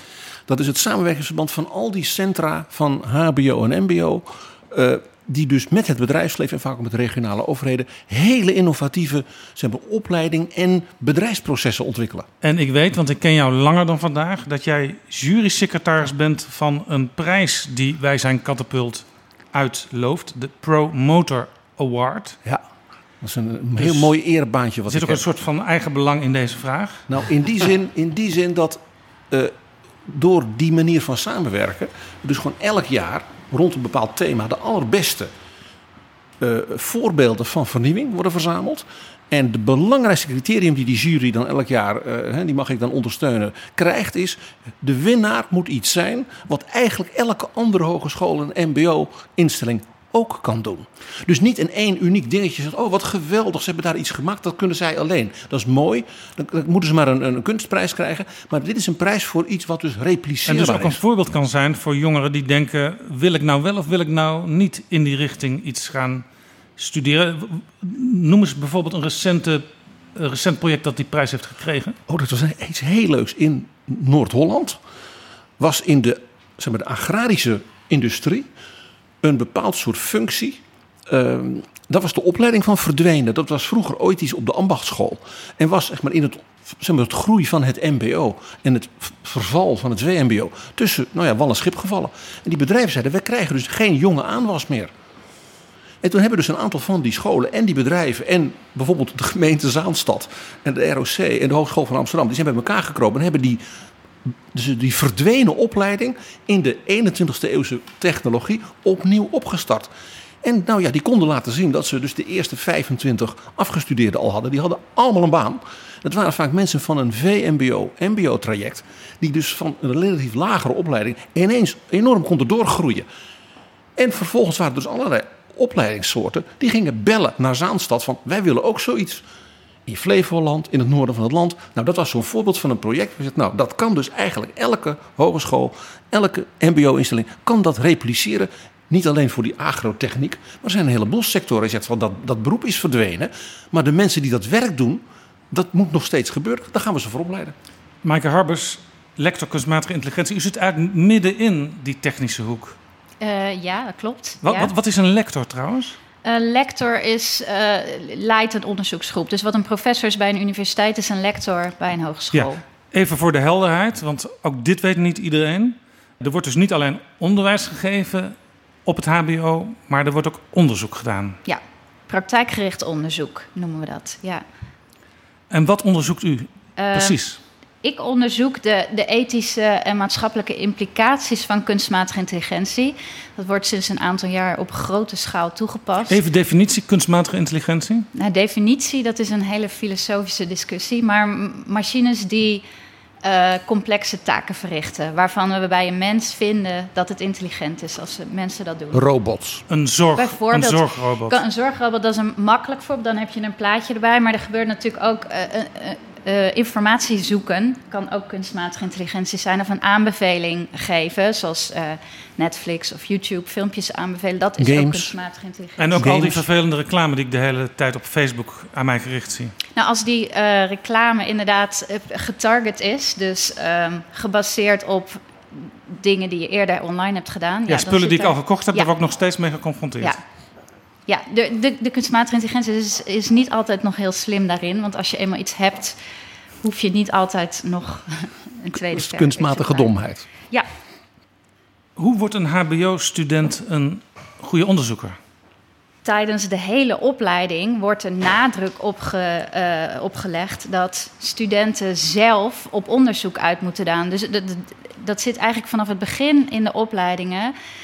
Eh, er worden methoden aangeleerd van hoe moet je dan onderzoek eh, uitvoeren, maar ook hoe verzamel je goed informatie en hoe beoordeel je informatie, waar kun je die vinden, hoe zoek je daarin. Ja, dat zit ehm, vaak. eh, studenten moeten. moeten ik, ik spreek vooral, moet ik even zeggen, voor de, voor de meer ICT-achtige opleidingen. Daar, dus ik weet niet helemaal of dit voor de hele. Nee, maar dat is prima. Laten we, laten we ons Ja. daarop bepalen. Ehm, studenten moeten daarin vaak iets ontwerpen, een bepaalde technologie, een bepaalde toepassing. Nou, om dat te doen moet je kijken, ja, wat is hier eigenlijk nodig? Wie gaat dit gebruiken? Wat is er aan de hand? Welke technische oplossingen zijn er beschikbaar? Er komt ook meteen heel veel psychologie bij kijken. Ook psychologie en ook eh, markt, eh, wat is haalbaar. Ehm nou ja, dat, moet dus, dat leren studenten allemaal eh, te onderzoeken. En op basis daarvan tot ontwerpen, tot een toepassing te komen. En het allermooiste daarbij is dat een student ook uiteindelijk iets realiseert... wat zelfs op een gegeven moment op de markt verkocht kan gaan worden. Ja, dat gebeurt ook regelmatig. Ja. Kunt u daar een voorbeeld van geven? Nou, we hadden het eerder over games. Er, worden, er zijn games, er zijn studenten die eh, voor een project een game hebben ontwikkeld en dan een, eh, een gamebedrijf zijn begonnen, want die game wordt goed verkocht. Wat ook vaak gebeurt, is dat, ehm, dat studenten werken aan een stuk, een, een onderdeel van een product. Dus bijvoorbeeld een, eh, een bedrijf, ik, bijvoorbeeld een student begeleid die is afgestudeerd bij Greenwheels. Ehm, die hebben een app. Nou, die app bestaat al, maar die wordt voortdurend Ja, verbeterd. Greenwheels is de auto die op straat op een hoek staat... en die je kunt huren voor een aantal uren, voor een halve dag, voor een hele dag. Ja, ja, precies. Dat soort dingen. Dat En- doe je met de app. Ja, dat doe je met een app. En het interessante is daar dat het niet alleen maar software is, de app zelf, maar ook dat daar interactie is met die auto. Die auto moet. Dus met je telefoon kun je dan de auto openen. Maar dan moet er ook iets in de fysieke wereld gebeuren, namelijk dat het slot open gaat. Ehm, nou ja, dan werkt een student aan een onderdeeltje van zo'n eh, van zo'n app, bijvoorbeeld. U bent ook bezig met ethiek van kunstmatige intelligentie. Eh nou hadden we het straks al een beetje over de, de hogeschool als emancipatiemachine. Ik heb een beetje gekeken wat u de afgelopen jaren heeft verteld. En een van de interessante dingen die ik tegenkwam was... kunstmatige intelligentie kan soms ook de ongelijkheid in de samenleving vergroten. Dat is dus eigenlijk het tegenovergestelde van emancipatie. Ja, dat, ge- helaas gebeurt dat vrij veel nog. Hoe komt dat? Nou, wat kunstmatige intelligentie doet, die, of tenminste zijn verschillende vormen, maar wat nu heel veel wordt toegepast zijn eh, algoritmes die leren op basis van data. En eh, veel van de data in deze wereld, daar zit een, een bias, een vooringenomenheid in. Eh, en bekende voorbeelden daarvan zijn bijvoorbeeld gezichtsherkenningssoftware wer- werkt beter bij mannengezichten dan bij vrouwengezichten, beter bij witte gezichten dan bij eh, donkere gezichten. Ja. En dat komt omdat Dus die- vrouwen en mensen met een donker gezicht staan letterlijk vaker voor een dichte deur.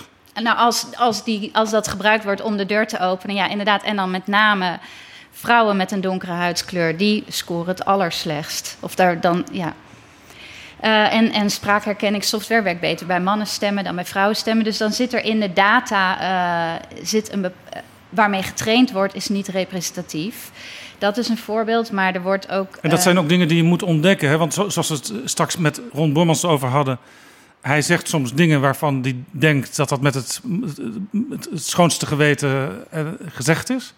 Maar dan zijn er toch mensen die dat op een andere manier verstaan. En zo moet je elkaar dus ook helpen. En zo laat u studenten eigenlijk een soort bewustwording krijgen van... hey, dat algoritme waar we nu mee werken, is dat eigenlijk wel een perfect algoritme?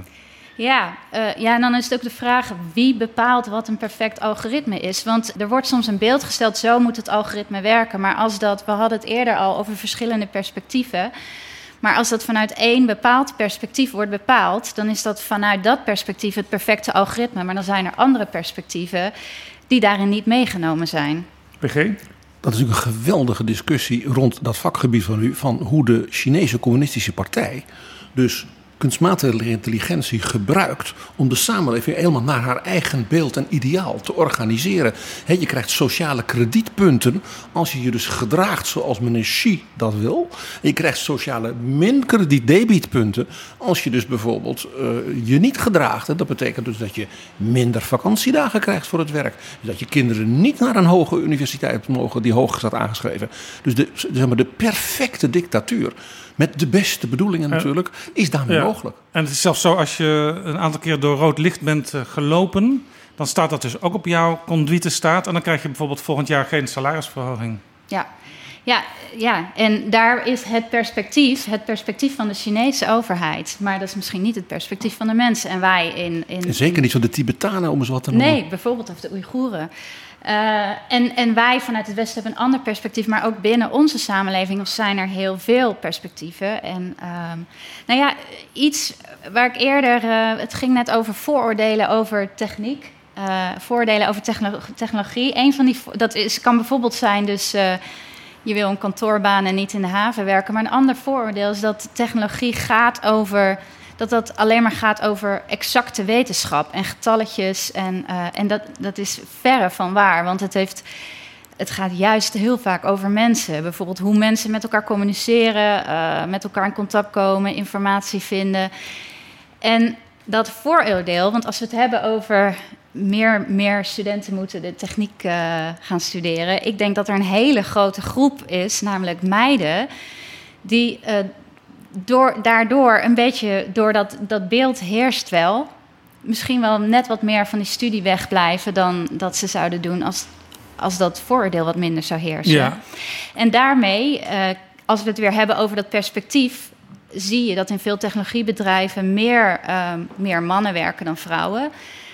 En daarmee eh, komt het vrouwelijk perspectief minder naar voren. Ja, dus het, dus het zou al helpen als je meer vrouwen die inmiddels in die techniek werken, laat vertellen hoe dat is en wat ze, wat ze doen. Dat is een manier. Ja, dat is een manier. Want, want het leidt, leidt ertoe, er zijn ook allerlei voorbeelden van, tot, tot weer technologie. Want er wordt dan, ik had het net over de data, waar een vooroordeel in zit. Maar het zit ook, um, als het gaat over het ontwikkelen van technologie, het is niet alleen maar Ehm, in de data zelf, maar ook de mensen die bedenken uh, welke data gaan we verzamelen, welke data nemen we mee en welke functionaliteiten moet een technologie hebben. Apple heeft bijvoorbeeld een, uh, een aantal jaar geleden, of nog niet heel lang geleden, een nieuw health tracking system uh, ontworpen. Heel uitgebreid, kon je van alles bijhouden. Dus hartslag, slaappatroon. En in die eerste versie is vergeten om een um, menstruatiecyclus tracker. Nou ja, er hoeven, ja, daar had waarschijnlijk. als er een paar, ja, precies. Hoe kun je dat vergeten? Als er iets is wat je bij wil houden. Ja. Ik, ik heb een heel mooi voorbeeld uit een ander stuk van de samenleving, namelijk van de CIA. De CIA is natuurlijk een gigantisch dataapparaat. Die wil alles weten wat er elders in de wereld gebeurt om natuurlijk de Verenigde Staten en het Vrije Westen te vrijwaren voor narigheid. En die ontdekten dus na de aanslagen op de Twin Towers dat ze alles hadden gedaan, maar dat ze niemand hadden die Pataans kon of een aantal of regiotalen van Afghanistan en Pakistan. Ja, Russen, Russisch, meer dan genoeg. Maar Pataans, niemand. En ineens, ja, daar sta je dan. En het is ook, dus ook, is ook weer het perspectief dus van zeg maar, de probleemanalyse hè, bij de health tracker uh, van alles. Maar ja, Oh ja, menstruatie. Ja, daar hebben wij geen last van als bedenkers ervan. Hè? Ja, gewoon niet aan gedacht. Dat is er niet bewust uitgelaten. Het bestaat dus iets dus buiten hun perspectief, letterlijk. Ja, ja. dus is eigenlijk vergelijkbaar met zoals er nog steeds minder mensen van kleur worden uitgenodigd bij sollicitaties. Ja. Al is het maar op basis van de naam die op het formulier staat. Ja. En bij kunstmatige intelligentie denk je van ja, dat is iets waar heel goed over nagedacht is. Dat is eigenlijk vrij van afwijkende opvatting zou je kunnen zeggen, of in ieder geval vrij van verkeerde opvattingen. Maar het is maar mensenwerk. Die, die, zijn er juist al ingeslopen zonder dat we het soms, eh, zonder dat we het vaak beseffen. Ja, helaas wel. Nou ja, wat er, je hebt verschillende vormen van kunstmatige intelligentie en uh, wat oudere kunstmatige intelligentie was vaak regelgebaseerd. Dus dan zijn er mensen die nadachten over de regels van het algoritme. Dus dan, dan begrijp je wat je erin zet. Uh, maar veel huidige kunstmatige intelligentie is allemaal met, uh, met neurale netwerken, deep, uh, deep learning. En daarbij voed je data aan een systeem en, en wordt schrijven mensen niet meer de code. En het is ook met dat soort, met die technologie lastiger om goed inzicht te hebben in waarom maakt een algoritme nou eigenlijk een beslissing. En dan gaat het wel eens fout. Ja. Ron Bormans? Nou, ik vind het interessant het voorbeeld wat je noemt van sollicitatie van mensen met een bepaalde achternaam. Hè. Ik bedoel, als technologie in staat zou zijn om te abstraheren van de achternaam. En die zou ons kunnen helpen om mensen puur te selecteren op hun competenties. Dan is het fantastische technologie. Als technologie in zichzelf een bias heeft en bepaalde categorieën mensen uh, meer kansen geeft. Meer sociale kredietpunten dan, anderen. Dan is, het een, dan is het een technologie waar we kritisch op moeten zijn. Dan zie je dus dat dat lijntje dus heel erg dun kan zijn. Maar ik kan me ook voorstellen dat technologie juist helpt om die automatische reflex met mensen als ze zo'n achternaam zien, dat ze denken van nou, dat kan niks zijn. Ja, ik zeg het nou een beetje lomp. De technologie kan wel helpen om daarvan te abstraheren. Dus het lijntje tussen toch? Tussen goed, Klopt, ja, Het is heel, ja. Maar het gaat nu gewoon nog best wel vaak fout. Dat is ook waarom ik, er, uh, waarom ik het daar vaak over heb. Maar in sommige gevallen kan uh, kunstmatige intelligentie juist ook bepaalde... Uh, onze reactie op een bepaalde naam wegnemen. Um, maar het is lastiger om dat te doen dan je denkt. Want bijvoorbeeld, je zou kunnen zeggen: Nou, stel, uh, we, we, hebben een uh, algoritme dat beoordeelt cv's. En daarbij kijk ik niet naar, waar de naam, uh, naar de naam van de persoon. Maar waar een algoritme probeert patronen te hmm. ontdekken. Mm. En al heel snel, bijvoorbeeld een, een bepaalde school blijkt dat mensen het eh, op dit moment, uh, mensen die naar die school zijn geweest, hebben minder vaak um, hoge posities. Dan zou het algoritme kunnen voorspellen. En dat is dan misschien toevallig een school in een slechte wijk. En daar is toch, dat is heel moeilijk om weg te nemen zonder. Uh...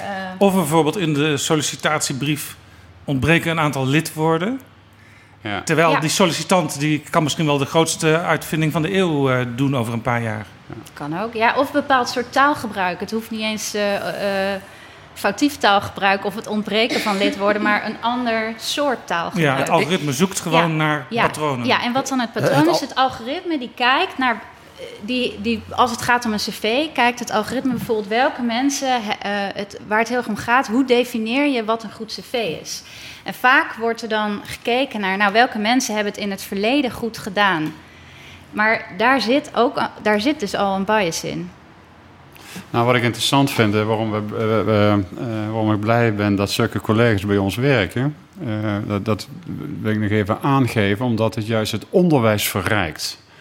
In die hele discussie over onderwijs en onderzoek in in de hogescholen is soms de vraag van waarom doen hogescholen dat? Nou, wij doen dit dus, hè, omdat we daarmee de denkkracht in huis hebben, in de vorm van deze lector die studenten alert maakt als die straks uh, algoritmes gaan ontwerpen, ICT gaan ontwerpen, dat het heel moeilijk is, dat het hard werken is om de goede soort neutraliteit erin te stoppen. En daarom doen we dat onderzoek. We doen dat onderzoek ook om de resultaten als zodanig op te leveren. Maar het is heel belangrijk dat mensen zich realiseren dat wij dat doen om ons onderwijs te verrijken. We willen dus niet mensen afleveren die, als ik het onerbiedig mag zeggen, dommig algoritmes ontwerpen zelfs dommig lerende algoritmes ontwerpen, maar die voortdurend de alertheid hebben dat die algoritmes niet maatschappelijk ongewenste biases hebben. En dan ontstaat weer de discussie: wat is maatschappelijk ongewenst? Ja. bedoel... En dit is ook precies waar we het uh, in het begin van ons gesprek over hadden. Je maakt studenten ook maatschappelijk bewust als ze eenmaal klaar zijn met de studie. En als iemand meteen, bij wijze van spreken, in zijn eerste jaar een bedrijfje begint met games en andere kunstmatige intelligentietoepassing. Ja, dan heeft hij, dan heeft hij waarschijnlijk nog niet uh, dit allemaal ook doorgrond. En past hij of zij dat niet allemaal toe. En als je de lessen van Maaike Harbers hebt gevolgd, wel. Ja, en, en wat wel. je dus hier ziet, ja, is dat... We hebben het dus nu over onderzoek gehad. Daarbij kwamen zeer fundamentele maatschappelijke, technologische, zelfs geopolitieke thema's kwamen aan de orde die er direct mee verbonden zijn. En toch, Maaike Harbers speelt niet universiteitje. Nou, Want dat wordt vaak verweten richting lectoraten. Het is universiteitje spelen.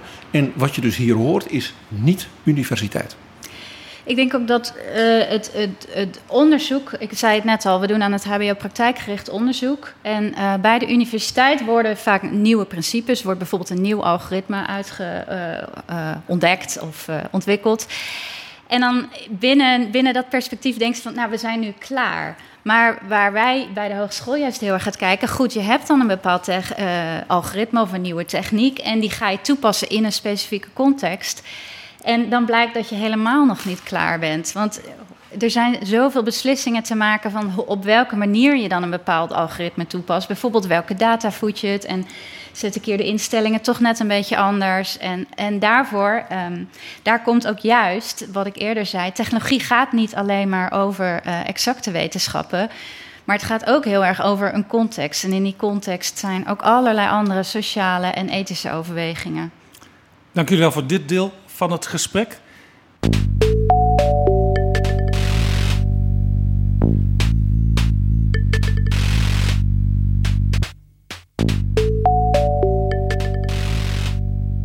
Jaap Jansen en Pieter Gerrit Kroeger duiken in de politieke geschiedenis. Eerder hadden we het met Ron Bormans al even over dat uh, door de vergrijzing misschien in sommige delen van Nederland lastig wordt om alle uh, hoger onderwijsopleidingen die daar nu zijn, daar vol te houden. Er is in de geschiedenis van het hoger onderwijs alles een keer geweest dat juist allerlei kleine hogescholen uh, zijn samengevoegd. En PG Kroeger, mijn vaste vriend in de show, PG Kroeger, die heeft een mooi verhaal erover. PG, waar wil jij het over hebben? Ik ga het hebben over een revolutionair proces. Dat anders dan de reputatie die de Nederlandse overheid en instellingen en bureaucratie uh, vaak uh, heeft, in een enorm tempo van snelheid en daadkracht, daadkracht werd gerealiseerd. En dat is in heel belangrijke, belangrijke mate te danken aan één meneer. Dus ik ga het hebben over die meneer. En Ron Bormans zal daar zeker aan het eind van mijn betoog ook nog wat over kunnen vertellen. Want Ron Bormans heeft ook heel erg met die meneer gewerkt. En hoe heet die meneer? Dat was Jan Karel Gevers. Jan Karel Gevers. Jan Karel Gevers is, ik zeg het maar gewoon, een living legend in het HBO, het hoger onderwijs in Den Brede. Hij is zeg maar een sleutelfiguur in de hele ontwikkeling van wat wij het bestel van het hoger onderwijs noemen en het beleid daartoe. In de geschiedenis en de ontwikkeling van het hoger beroepsonderwijs zoals we dat nu hebben, is de persoon Jan Karel Gevers volstrekt niet weg te denken. En je praat in de verleden tijd, hij is er niet meer. Nee, hij is heel jong gestorven in 1998. Hij was toen pas 54. Uh, had overigens een, een hoeveelheid werk en denken toen al achter de rug. Waardoor zijn legacy tot de dag van vandaag zonder meer uitzonderlijk is. Je maakt het heel spannend. Wat is zijn legacy? Zijn legacy is eigenlijk het ontstaan van een modern hoger onderwijs in Nederland. Dus waar wij nu zitten, op de Hogeschool Rotterdam. Zonder gevers, dat is mede geen te danken, Rotterdam. zoals die nu functioneert, mede te danken aan wat Jan Karel Gevers heeft En ik bewerkstelligd. zeg nog iets. De relatie tussen de Erasmus Universiteit, het academisch ziekenhuis hier, wat een van de topziekenhuizen in Europa is, en deze hogeschool, en bijvoorbeeld de Hogeschool Codarts, dat prachtige conservatorium hier, de relatie tussen die is ook niet te bedenken zonder de, de naam Jan Karel Gevers te noemen. Schets even waar Jan Karel Gevers vandaan kwam. Voordat hij die legacy, zoals jij hem straks nader zult verklaren, uh, ging neerzetten. Hij is tussen 1982 en 1988 de voorzitter geweest van de HBO-raad. Dat is zeg maar de koepelorganisatie van alle hogescholen. Tegenwoordig heet dat de VH, de Vereniging Hogescholen. Daarna werd hij benoemd door minister Deetman, want zo was dat in die tijd. Voorzitter van het college van bestuur van de Universiteit van Amsterdam. Je kunt je voorstellen dat dus de baas van alle hogescholen wordt dus de baas van de, zeg maar, toch wel de iconische stadsuniversiteit van Nederland. Dat was wel even een dingetje. Nou, dat was één voordeel, hij was heel erg P van de A. Dus dat voor was in Amsterdam een pluspunt. En in die rol, die tien jaar als voorzitter, heeft hij eigenlijk de volgende revolutie uh, in gang gezet. Hij is gaan voorbereiden de fusie van die universiteit, dus die stadsuniversiteit, met de Hogeschool van Amsterdam. Dus een van die gefuseerde hogescholen, zoals de Hogeschool Rotterdam. Is een enorm instituut ook. Meer studenten dan de universiteit. En daar wou hij eigenlijk één soort hoger Ja, onderwijs. Maar dat is niet de kern van jouw verhaal. Nee, de kern van mijn verhaal is dat gaat over die periode dat hij dus voorzitter was van de HBO-raad. 82, 88. Daar focussen we op. Ja, eh, hij, Gevers was een visionair bestuurder. eh, en een man van grote daadkracht. En dat kwam toen voor het eerst eigenlijk echt tot volle wasdom, om maar zo te zeggen. eh, over de, zijn persoonlijkheid, zijn eigenaardigheden hebben we het straks misschien nog wel even. Hij had één gelukje, zou je kunnen zeggen. Wat, de, wat in het Engels heet serendipity. Er gebeurde iets op hetzelfde moment waarvan je op dat moment niet wist dat dat heel nuttig was. Toevallige samenloop van omstandigheden. Toevallige samenloop van omstandigheden. Een van zijn allerbeste vrienden en oud-collega aan de Leidse Universiteit, Roel in het Veld, werd ongeveer op hetzelfde moment benoemd, nog door minister van Kemenade, in het kabinet van 8-2, als directeur-generaal hoger onderwijs en wetenschap. Dus dat werd de hoogste ambtenaar voor het terrein, waar dus Gevers als koepelvoorzitter zo'n belangrijke rol ging spelen. En ongeveer op hetzelfde moment valt minister van Kemenade in dat kabinet, voorjaar 1982. En Wim Deetman schuift door van staatssecretaris naar minister van Onderwijs. En dat zijn altijd belangrijke momenten, want uh, soms heb je ingesleten gewoonten in de politiek, in het bestuur. En als er dan mensen, nieuwe mensen op stoelen komen, dan kunnen er ook dingen veranderen. En die drie kwamen ongeveer op hetzelfde moment. Dus op, een, op drie stoelen die als het ware van essentieel belang waren om te, te kijken of het lukt die sector als het ware een enorme slag te geven. Dat werd daarbij geholpen, uh, dus door het feit dat ze met, met z'n drieën goed konden. Dat, dat helpt altijd echt hoor, ook in politiek en bestuur. En dat werd erg geholpen dat er een soort vacuüm zeg maar, in de politiek en in het beleid was. Uh, doordat de voorzetten van de voorganger van de minister, uh, minister Pais van de VVD, zeg maar, niet helemaal waren geslaagd. En dan zeg ik het netjes. En Nederland ongeveer Griekenland was. Nederland was failliet. Uh, het kabinet Lubbers 1, wel bekend. Onno Ruding, Jan de Koning. er moest gehakt worden. Ja, Niet een beetje bezuinigd, er moest gehakt worden. 1982. Ja, en op datzelfde moment treedt dus Gevers aan bij het HBO in het veld als de hoogste ambtenaar en Deetman als de minister. En wat zij dus met z'n drieën zijn gaan doen, opmerkelijk goed op elkaar afgestemd, was enorm bezuinigen, een enorme efficiëntieslag in dat HBO, een heel hoog tempo van wetgeving en doorvoeren van die wetgeving, dus niet wachten en sterk innoveren. Ja, ik weet heel goed hoe die tijd was, want dat was uh, 82 was het jaar waarin ik zelf ging studeren, waarin de jeugdwerkloosheid enorm was opgelopen. Jij wist dat je geen baan had als je klaar was met studeren. En ik zag dus dat inderdaad die minister Deetman die ging bezuinigen. En ja, als je dan net een jonge student bent, dan denk je dan wordt het alleen maar erger. Zo is dat. Zo is dat. Net als in Griekenland. Maar Jan-Karel Gevers die had ideeën om uh, er toch uh, iets goeds van te maken. Ja, Gevers en Deetman en in het veld hadden een soort gezamenlijke lijn, ontdekten ze heel snel. Daar speelde iets heel aparts. Deetman wist veel meer van het HBO en zelfs van de HBO-raad dan Jan-Karel Gevers. Want Deetman was jarenlang vicevoorzitter van de HBO-raad geweest. Voordat hij Kamerlid werd. Hij had er middenin gezeten. Middenin. Hij kende alle spelers. Hij kende bij de, de begroting van elk hogeschooltje. Veel meer dan Gevers, die daarvoor bestuurder was geweest aan de Leidse Universiteit. En er was ook nog iets. Die nieuwe DG, dus die hoogste ambtenaar die dat proces moest ontwikkelen voor de minister, dat was ongeveer de beste vriend ja, van Gevers. Roel in het veld. Ja, dus je kreeg een unieke situatie. Ik heb het in, in mijn verdere politiek bestuurlijke leven nooit meer meegemaakt. Dat je een minister had die dus een fors, forse kennisvoorsprong had over de sector. Op zowel de chef van het veld als zijn eigen hoogste ambtenaar. En mijn hoogste adviseur. Dan zou je denken, nou dat is een recipe voor disaster. Ja, want dan weet zo'n minister, die weet alles beter. Precies. Precies. Maar ja, die... was dat ook zo? Nee. Het gevolg was geen gedoe en dus ook geen rivaliteitjes. Niet van we gaan achter de rug van de minister om, want hij heeft het toch niet door. Hij kende het als geen ander. Dus men, je kon alleen dus wat doen als je heel open naar elkaar was. Ja. Dus als je open was en als de neuzen dezelfde kant uitstonden, dan kon je ook echt iets realiseren. En konden er dus enorme slagen worden geslagen. Wat wilde Deetman toen? Nou, die, zeg maar, het plan, lange termijn, was als volgt. Eén, een enorme bezuiniging. Jij trad aan als student, je zult ook wel gedemonstreerd ja, Er waren hebben. spandoeken Deetman op Defensie. Ja, dat was zijn favoriete foto. Was een, stu een student met een enorme punk hanenkam met een bord Deetman naar Defensie. Dan zou er daar tenminste bezuinigd worden. We hebben als ambtenaren ervoor gezorgd dat er van die, de fotograaf dat hij een paar afdrukken voor Deetman heeft laten bezorgen op het ministerie voor zijn kinderen. Zo gaan die dingen op zo'n ministerie soms. maar er was dus niet ook per definitie in het uh, onderwijs en in het hoger onderwijs een positief idee over Deteman toen daar meteen over bezuinigen gesproken nee, werd? Nee, toen dat regeerakkoord uitkwam en er in feite werd gezegd... we gaan in vier jaar zo'n 20% uit de bezuiniging, uh, uit de begroting snijden... Uh, ja, dan staan de mensen niet juichend langs de kant. Dan zeg ik het voorzichtig. Tegelijkertijd zei Deetman, dat is volstrekt haalbaar. Ook vanuit het idee, het zal wel moeten, want we zijn gewoon failliet. En hebben we ook nog zo min mogelijk arbeidsplaatsen kwijtraken. Want de werkloosheid steeg al zo enorm. Nou, hij wilde nog iets.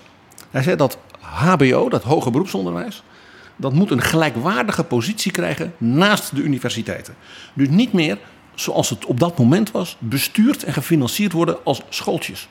Ze zaten in dezelfde methodiek van financieren als de MAVO en de HAVO en ze waren ook vaak even groot. Dus zei Deetman, er gaat gesaneerd worden en hoe in dat hoger onderwijs. Er waren dus allemaal kleine onderwijsinstellingen. Juist. Die allemaal onder dat hoger beroepsonderwijs vielen. En dat hoger beroepsonderwijs had dus geen eigen zeg maar, wettelijke grondslag. Dat zat gewoon bij de MAVO en de HAVO en het ateneum in de wet. Dus als je, zoals mijn vader, directeur van een kweekschool was... dan moest je het, school, het lesmateriaal bestellen. Dan heb ik het over schrijfblokken en pennen... bij de ambtenaren van het ministerie. Die moesten dat goedkeuren. Ja, nou. dus, probeer je dat in te denken dat dat bij een universiteit zou kunnen. Nou, bij een hogeschool kon dat dus in Nederland toen wel. Dus zei de minister: Ik heb twee grote saneringsopdrachten. De eerste is bij de universiteiten, dat vinden ze niet leuk. Maar er ligt een vernietigend advies van de OECD uit Parijs. Dat de Nederlandse universiteiten ingesleten zijn. De cultuur is ingeslapen. De voorstellen en de ontwikkelingsgedachten van minister Pais en zijn wetgeving, de twee fasenstructuur, heeft niet gewerkt. Dus die universiteiten moeten op de schop. Dat vonden ze niet leuk. En het HBO, daarvan zei Deetman, dat ga ik ook saneren. Want we hebben daar bijna 400 mini-instituutjes. 400. Bijvoorbeeld, Ga... uh, bij wijze van spreken, elke provinciestad had zijn eigen conservatorium. Precies. De HTS'en, de HAO's, de verpleegkundeopleidingen waren allemaal schooltjes. Die dus niet met elkaar samenwerkten. Ze werkten hoogstens samen met dus de scholen, zeg maar de HAVO, de MAVO, die dus hun leerlingen aanleverden. De kweekscholen hadden in Nederland bijvoorbeeld een zogenaamde HAVO-kop. Dus de klassen 4 en 5 van het HAVO, die zaten aan een kweekschool vast. Dus het was gewoon in feite een opgeleerde school voor voortgezet onderwijs. En geen hoger onderwijs. Deetman zei, dat gaan we anders doen. Dat bestel is chaotisch, het is versplinterd. En die 400 instellingen hebben dus geen kritische massa voor voldoende kwaliteit. Die kunnen geen Maaike benoemen tot lector en onderzoek doen. Om eens wat te noemen. En dus kwam de zogenaamde STC-operatie. STC. Schaalvergroting, taakverdeling, concentratie. En het eindplaatje daarvan was ook helder. Ik zei net, hè, ruim 400 mini-instituten. Het eindplaatje was, er komen 25 à 30 grote, brede hogescholen in steden en in grote regio's. En zo'n 25, 30, wat ik maar noem, neusjes van de zalmhogescholen. Conservatoria, kunstacademies, toptechnologieopleidingen. En, heel belangrijk, zeker voor een man als Deetman, een grote diversiteit daarbinnen. Dus als de gereformeerden hun eigen kweekschool willen hebben, dan komt er een gereformeerde kweekschool. En als de katholieke uh, bisschoppen een katholieke pabo willen, dan kan dat, want Nederland is een land van pluriformiteit. Dus je, je bouwde in dat systeem ruimte voor en diversiteit en concentratie. Ja, maar de hoofdmoot was dat oude systeem met die 400, wat jij noemt, uh, mini-instituten, dat zou verdwijnen. Opgedoekt worden. Er zouden vele brede hogescholen komen. Die zich allemaal fuseren dus. En een aantal specifieke opleidingen, maar dan wel heel hoog van kwaliteit. Heel hoog kwaliteit of een heel hoog profiel. Zodat eigenlijk uit het hele land men zich herkent van, oh daar wil ik heen. En Gevers die was uh, voorzitter. Van die 400 mini-instituutjes. Wat vond hij daarvan? Die vond het geweldig. Die trad aan en die heeft toen een interview gegeven. Nou, hij heeft de hele hoger onderwijswereld, en dat vond hij heerlijk, tot op zijn grondvesten geschokt. Ik citeer nu letterlijk wat hij toen zei. Het Nederlands hoger onderwijs is één grote grijze brei. En die zei de OECD in dat advies over de universiteiten is nog te mild. Zegt dus deze man, die dus daarvoor bestuurder van de Universiteit Leiden was. Dus iedereen dacht in zijn directe omgeving: uh, we zijn gek geworden dat we deze man binnen hebben gelaten. Uh, ja, het, was, het, het, werd nog gekker. Gevers die zei tegen Deetman: dat STC van jou, dat wil ik ook. Ik ben er helemaal niet tegen. Ja, ik moet officieel natuurlijk bezwaar maken. Maar dat komt omdat ik heb 400 leden in die HBO-raad. En al hun vakverenigingen, de, de, de Vereniging voor Sociaal Agogisch Onderwijs, de PABO. Ja, dus hij moest naar buiten toe even een beetje dubbele positie innemen. Kritisch in, in de media en naar zijn mensen. Maar achter de schermen van ik wil best wel meedoen. Had dat er ook mee te maken dat hij dacht... ja, als het dan toch 20% bezuinigd moet worden... dan wil ik er wel aan bijdragen dat het op de juiste manier in ons voordeel gebeurt. Sterker nog, hij ging een deal met de minister sluiten. En daar was natuurlijk zijn vriendschap met Roel in het veld, speelde hier natuurlijk bij. Die zei, die instituten van mij, die worden helemaal gek... als jij als minister dit gaat opleggen en jouw ambtenaren... dus de assistenten van eh, Roel in het veld, ik noem maar een Ron Bormans van in die tijd... dat die dat gaan uitwerken voor ons. En dat als daar met de auto langskomen van Ja. nou, die, die, die Even moeten fuseren. Ron Bormans is ook eh, eh, hoogambtenaar geweest... op het ministerie van Onderwijs, Cultuur en Wetenschappen. Ja, maar in die tijd was ik de jongste bediende. Maar dan weten we dat het gaat in ieder geval over een andere periode... waarin jij Ron Bormans nu plaatst. Maar ik ken hem dus uit die tijd al. Nou, eh, dus wat zei Gevers? Weet je wat je nou moet doen? Je moet dat werk uitbesteden aan mij. Ik ga met mijn staf van die koepel, de HBO-raad, met die besturen praten. En wij gaan een fusieplan maken. Vrijwillig. En uptempo, want dat moet je niet 15 jaar doen. Dat moet je in, bij voorkeur binnen vier jaar die mensen gewoon dwingen. Maar vrijwillig, van onderop. En dan krijg jij wat je wil, namelijk die enorme bezuiniging. Je krijgt die kritische massa en die wil ik ook. Nou, zei Deetman. Laten we eens kijken of dat kan. En dat ging natuurlijk geld kosten. Want Gevers was natuurlijk een voortreffelijke onderhandelaar. Die zei, kijk, dit gaat heel veel geld opleveren. Dus dat gaat ook geld kosten. Want er moet een nieuwbouw komen. Er moet, eh, ik moet ook wat lucht kunnen geven voor die nieuwe instellingen om samen te gaan werken. Het moet aantrekkelijk worden om te fuseren. Wie dus niet wil fuseren, krijgt dus minder geld. Gewoon heel hard. Dus nou, dan ga je wel fuseren. Dan gaat dus de efficiency omhoog. Dus het, bedrag per student gaat omlaag. Het kabinet, dat dus met het failliete Nederland verder moest, wordt dus blij. Dachten ze. Ja, ja efficiency vind ik altijd een lastig eh, Ja, ik, punt. ik, ik weet het, maar ik ben er allemaal niet tegen. Ik ben voor doelmatigheid. Ik ben, ben, ben ik voor ook voor, maar in de kabinetsformatie is het altijd als ze de begroting niet rondkrijgen... dat ze ook nog even een efficiency-slag slaan. Ja, dat is, dat is en een, dan zien ze later wel of het is, uitgekomen is. dat is iets anders. Dat is meestal een doelmatigheidskorting. Dat is een doelmatigheidskorting. Dat is gewoon 5% overal af en dat kan ook altijd. Ja. Ik, ben, ik, je weet, eh, Jaap, ik ben een leerling van Onno Ruding en Jan de Koning. maar goed Gevers was dus slim. want zei- die hij zei, dus- ik, wil wel meedoen, maar Ik doe mee. daar staat wat tegenover. Jij hoeft het jouw ambtenaren niet te laten doen. Dus jij betaalt mij als koepel een bedrag per jaar. Dan neem ik mensen in dienst, slimme mensen. Die gaan dat proces doen. Dat is goedkoper dan wanneer jouw ambtenaren doen. Ook heel slim. En daar wil ik iets voor terug. Als het ons echt lukt om, ik noem eens wat, 500 miljoen...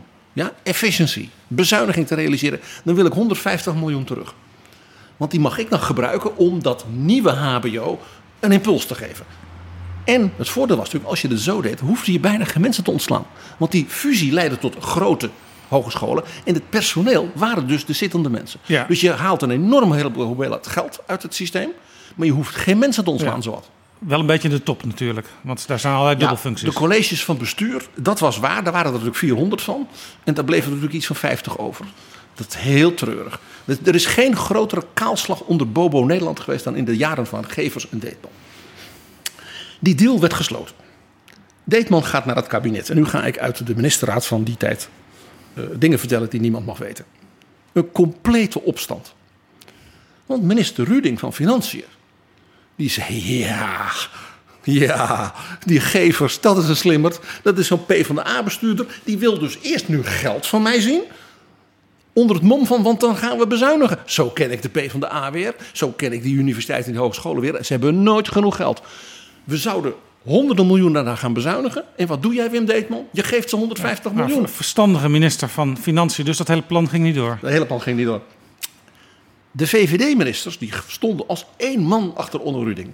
Want die gunden natuurlijk het CDA en Deetman het succes niet... dat hij het beleid van Arie Pijs overhoop gooide. Ja, want Arie Pijs was een VVD-minister van Onderwijs Ja, en, geweest. zijn, en zijn vrouw zat ook nog in het kabinet. Dus Eekje Schoo, de minister voor Des ontwikkelingssamenwerking. te pijnlijker allemaal. Maar ja, Deetman had steun in het kabinet van drie ministers. En dat was genoeg. Dat was namelijk minister Brinkman van WVC. Opkomend CDA-talent toen. Zeker. Minister De Koning van Sociale Zaken. De man die de vaste luisteraars van Betrouwbare Bronnen weten dat eigenlijk de grote eh, macht achter de schermen was eh, in de tijd van Lubbers. En Lubbers de minister-president. Ja. Waarom was Brinkman nou zo voor dat plan met die gevers? Brinkman moest ongeveer hetzelfde doen met de ziekenhuizen. En die zei, als dat nou lukt in dat HBO... Dat HBO was een soort proeftuin voor de, voor de ziekenhuizen. Want de ziekenhuizen waren toen ook allemaal in kleine uh, instanties verdeeld. En men wilde daar eenzelfde kant op. En de man die de ziekenhuizen moest doen voor uh, Elko Brinkman was Joop van der Rijden. En dat was net als Deetman zo'n harde CHU-manager, zal ik maar zeggen. Hij was wel een stuk ouder. Maar hij dacht, dus Joop van der Rijden zei, als het Wim lukt, dan ga ik er een jaartje achter, daarna, ga ik de ziekenhuizen op dezelfde manier onder druk zetten. Ja, dus, dus, dus Brinkman die steunde het. Hij had er belang bij dat dit een succes zou worden. Ja, en de koning de minister had zelf Wim Deetman uitgekozen om minister van Onderwijs te worden. En Ruud Lubbers was zeer goed bekend en bevriend met Roel Innesveld. Die kenden elkaar uit het Rotterdamse. En die zei als die in het veld en die gevers zo'n plan maken. En Wim Deetman gaat daar als stoomwals, hè, dat was zijn bijnaam, achter, achteraan. Dan gaat dat lukken. Dus het kabinet zwichten voor het politiek gewicht van met name dus Lubbers en de koning en hun steun voor Deetman. En hoe zat het in de Tweede Kamer? Want uh, de Partij van de Arbeid die uh, was toen in de oppositie terechtgekomen. En bij hele grote operaties is het toch wel handig als je ook, een, althans een deel van de oppositie, achter je krijgt. Ja, en jij denkt natuurlijk zo'n godsgruwelijke bezuiniging. Uh, de PvdA ging ervoor zorgen dat de Malievelden vol stonden. Ja, en minister Jos van Kemenade van de Partij van de Arbeid was net door CDA Wim Deetman opgevolgd. Ja, je raadt hem al hè. Jos van Kemenade was het volstrekt met Wim Deetman eens.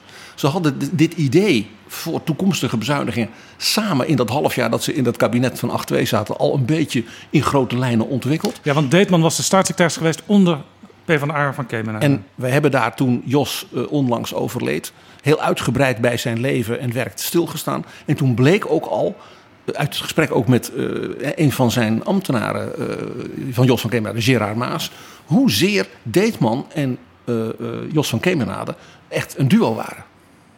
Dus, en er kwam nog iets. Gevers was P van de A. En Gevers was dus een zeer goede bekende en ook praatpaal van Jos van Kemenade. Dus die zei, ze hebben gewoon gelijk. Ja, die bezuiniging is natuurlijk een schande, schande, schande. Dat gaan we vooral roepen. Maar we gaan het niet tegenhouden. Ja, dit is trouwens heel inzichtelijk voor onze luisteraars. Want je, ziet dus vaak uh, een politicus in de Kamer een betoog houden. Of een politicus in de krant geïnterviewd worden. Schande. Maar in werkelijkheid zijn ze al bezig om het proces te helpen de goede richting in te sturen. De nuances zijn iets waar je met je derde oor altijd naar moet luisteren. En ik heb hier een heel mooi klein, bijna vignetje in die tijd. En dat heeft Wim Deetman mij toen verteld. Uh, ik was toen zijn rechterhand. En dat was dat jo Joop den Uyl na een debat. Deetman zijn tas aan het inpakken was achter de regeringstafel. Want die had je toen nog in het oude Kamergebouw. En toen kwam Joop den Uyl kwam langs met zo'n sigaartje. Met al die as altijd overal. En die zegt ineens. Ik ga het letterlijk voorlezen uit mijn dagboek van toen. Ik vind het allemaal vreselijk wat je doet natuurlijk. Maar ik heb wel groot respect voor je. Dat je dat weet. Den Uyl zag, dit is een ingreep en een zo gedurfde revolutionaire aanpak. Petje af. En gaat u roepen dat het een schande is en die bezuinigingen. Och, och, och, och. Tuurlijk. En moest ook iemand als uh, de minister van Financiën, Onno Ruding, later toegeven dat het toch wel de goede kant op was gegaan? Nou, dat gaan we nu zien. Vertel. Want ja, Gevers die had dus gezegd: ik ga het doen met mijn HBO-raad met mijn medewerkers. En niet de ambtenaren van Roel in het veld. Die gaan het proces begeleiden. Tuurlijk. En de ambtenaren van Financiën die gingen natuurlijk met een loep voortdurend kijken: levert het nou die bezuiniging wel op? Want die ambtenaren van Financiën die waren natuurlijk extreem argwanend. En die hadden de pest in, ik zeg het maar gewoon ronduit. Dat hun minister op dit punt was overroeld door de premier. En vooral natuurlijk ook door Jan de Koning, de grote gezaghebbende figuur in dat kabinet. Nou, Gevers ging aan de slag en ja, hij leverde is een politiek bestuurlijk uniek feit. Die meer dan 400 schooltjes gingen samen vrijwillig fuseren. Dus er kwam schaalvergroting, er kwam taakverdeling tussen die nieuwe instituten en er was dus concentratie op allerlei plekken in het land. De kwaliteit van het aanbod, dus die opleidingen, ging natuurlijk enorm omhoog. Want al die kleine schooltjes konden ineens dingen samen doen, konden dus van alles gaan verbeteren, konden dus ook nieuwe mensen aantrekken. Ja, konden ook speciale invalshoeken zoals veel later Maaike Harbers, die Ja. op de Hogeschool Rotterdam eh, heeft. Maar die ontwikkeling was, Aannemen? was niet denkbaar geweest zonder die S, die T en die C. En dat betekende nog iets. Wim Deetman kon als minister dus bij de Tweede Kamer indienen de wet hogere beroepsonderwijs. Dus die scholen werden uit de wet voor de MAVO en de HAVO gehaald en kregen een eigen wettelijke status. Daarmee werd het hoger beroepsonderwijs zeg maar een pilaar naast het wetenschappelijk onderwijs, de En bij, universiteiten. en bij de indiening van de wet HBO meldde de minister meteen, dat, is- dat ik al zei, dat enorme tempo van daadkracht en eh, wetgeving, dat deze wet HBO tijdelijk zou bestaan. Want hij was in, aan het werk aan de wet hoger onderwijs en wetenschapsbeoefening, de WHW. Dat is de wet zoals we die nu kennen.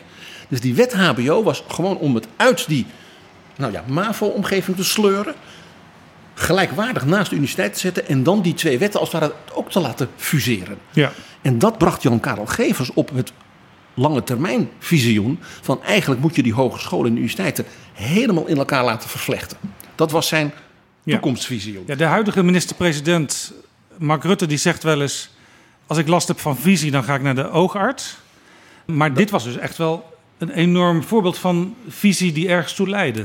Ik vind dat de oud-staatssecretaris van Onderwijs, Cultuur en Wetenschappen, Mark Rutte, op dat punt, laat ik zeggen, dat is niet zijn beste punt. Want hij heeft als staatssecretaris, vind ik persoonlijk, het hartstikke goed gedaan. Eh, he- heeft ook eh, bijvoorbeeld de groei van het lectoraat als verschijnsel, als bewindsman in het HBO, ook flink helpen bevorderen. Dus Mark Rutte weet wel beter. Dat je af en toe wel visionaire mensen nodig. Het was slechts een zijdelingse opmerking van mij, maar ik zie Ron Bormans naar Nou, voren wel eh, gaan grappig zitten. dat eh, dezelfde Mark Rutte, ik ken hem uit die tijd dat hij eh, staatssecretaris was, die, die ook, ook een soort haat-liefdeverhouding heeft, altijd heeft gehad met die schaalvergrotingen met koepelorganisaties. Want als, die, als er een scheet was zat, zou ik maar zeggen, als het ging om het hoger onderwijs, dan noemde hij ons de heren van het kartel.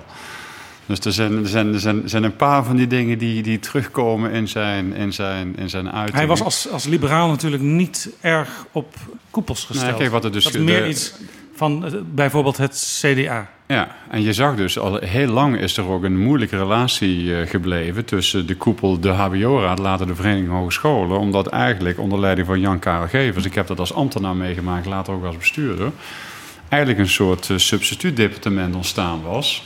Wat ook, eh, ook veel later ook met heel veel andere dingen zich bezig is gaan houden. Ja, dat krijg je natuurlijk hè, als je Ja, de, de uitwerking meteen overlaat aan zo iemand als Jan-Karel Gevers. Ja, er werd Het gewoon is soms- gespreide verantwoordelijkheid, typische CDA-filosofie. Ja, er werd gewoon soms op het departement eh, bij, eh, bij het ontwikkelen van bepaald beleid... werd wel eens eh, expliciet of impliciet of in de achterkamer de vraag gesteld... wat vindt de HBO-raad ervan? Ja. Dat ging zover. Ervan? Nou ja, dat, werd dan, dat was dan ja, de ja, HBO-raad. het ging zover dat de HBO-raad, zodra ze de kans kregen, de rechterhand van de minister wegkochten van het ministerie toen die een baan zocht.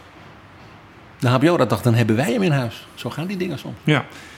Dus Deetman maakte Ja. de wet HBO, kondigde de wet WHW aan en er nog één, de wet studiefinanciering. Die kon alleen als de HBO-student gelijkwaardig was aan de universitaire student kon en niet een scholier was als, het, als een ja, dan MAVO-klant. onder hetzelfde studiefinancieringssysteem gaan vallen. Dus er kon nu ineens één groot samenhangend bestel Ja. ontstaan. Toch nog even die vraag die ik al eerder stelde. Hoe keek Ruding als minister van Financiën uiteindelijk naar wat er gebeurde? Wat, er, wat het resultaat was van deze operatie? Ja, Ruding die kreeg natuurlijk de cijfers van zijn ambtenaren van Financiën. En die kon alleen maar vaststellen dat in vier jaar de bezuiniging die dus in het regeerakkoord stond, volledig was gerealiseerd. En dat in de meerjarenramingen, dus de jaren, zeg maar de tien jaar na, eh, ik zal maar zeggen, het tijdperk Ruding, je kon zien dat dus die efficiency zo succesvol was, dat de opbrengst als het ware daarna nog veel meer zou zijn. Dus ja, het veto van Ruding in de ministerraad van maar dit gaan we absoluut niet doen, dat was dus ja, niet zijn beste moment. Moest hij ook later wel toegeven. En het maakte Deetman natuurlijk als minister bij een man als Jan de Koning en Lubbers bijna onaantastbaar. Want tussen die, zoals Ruud Lubbers ooit noemde, die twee giganten. Tussen die twee giganten, Deetman en Ruding, knetterde het nog wel eens, zei Ruud dan. En, en, maar ja, dit was ook een moment waar Deetman dus met gevers, hè, zeg ik nadrukkelijk, had bewezen dat zo'n visionaire, revolutionaire aanpak wel degelijk kon werken. En onder Ruding, de minister van Financiën, kreeg wat hij wilde. Namelijk heel veel geld en zelfs veel meer om het financieringstekort te verlagen Ja. in toekomstige jaren. Een iconische figuur dus, Jan-Karel Gevers. Eh, ja, Eh, ik vind eigenlijk dat elke hogeschool een Jan-Karel Geversplein moet hebben waar de studenten wandelen. Of een Jan-Karel Geverszaal of een plaquette eh, van Jan-Karel Gevers. Wat ook mag is dat, uh, want Jan-Karel had ook zo zijn eigenaardigheden.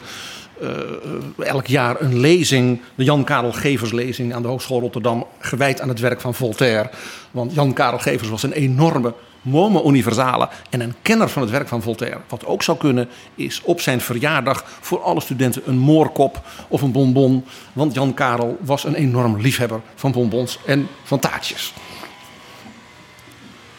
Ik heb een suggestie, ja. Ja, er zit, wat ik wou zeggen, er is dus bijna een opdracht aan Ron Bormans uh, in verscholen, wat je nu allemaal zegt. Ja, er moet toch eigenlijk ter herinnering aan deze geweldenaar een soort Jan Karel Geversprijs zijn voor vernieuwende ideeën in het hoger onderwijs. Waarom doet Bormans dat niet bijvoorbeeld samen met betrouwbare bronnen, dat wij de winnaar dan elk jaar uh, interviewen en bijvoorbeeld samen met Science Guide? Nou, dat vind ik nou eens een goed idee. Hij, hij nou, neemt het in beraad. Nou, ik vind, wel, ik vind in ieder geval wel dat wij, in het, uh, wij van het HBO nu een zekere mate van volwassenheid bereikt hebben. Uh, onze, onze voorvaderen en voormoederen moeten eren. Dat doen we in mijn ogen te weinig. Ja, het is en, dus nog geheugen in het HBO is niet sterk nee, is niet sterk. Daarom is het ook wel belangrijk om dat hele verhaal nog eens te vertellen. Er zijn meer dragers van de ontwikkeling van het HBO, ook op wat kleinere schaal. Maar ik denk dat we, dat we, dat we uh, de boodschap, zo, zo vat ik hem maar even op. Dat we de, de, de schouders waarop wij staan nu uh, meer moeten eren dan we nu doen. De, daar zijn we nog net iets te nuchter en te praktisch en te, te, te huiselijk in. Dus ik, ik, en misschien ook nog te jong. Ja, dat zou ook wel kunnen. Maar ik vind, ik vind Universiteit dat is natuurlijk veel ouder. Ja, natuurlijk. Maar we, we, we zijn nu in een fase terechtgekomen. Ik, ik, ik, ik, ik zie het, het HBO die een bepaalde ontwikkeling heeft doorgemaakt. Ik heb die tijd meegemaakt als jongste bediende op het ministerie.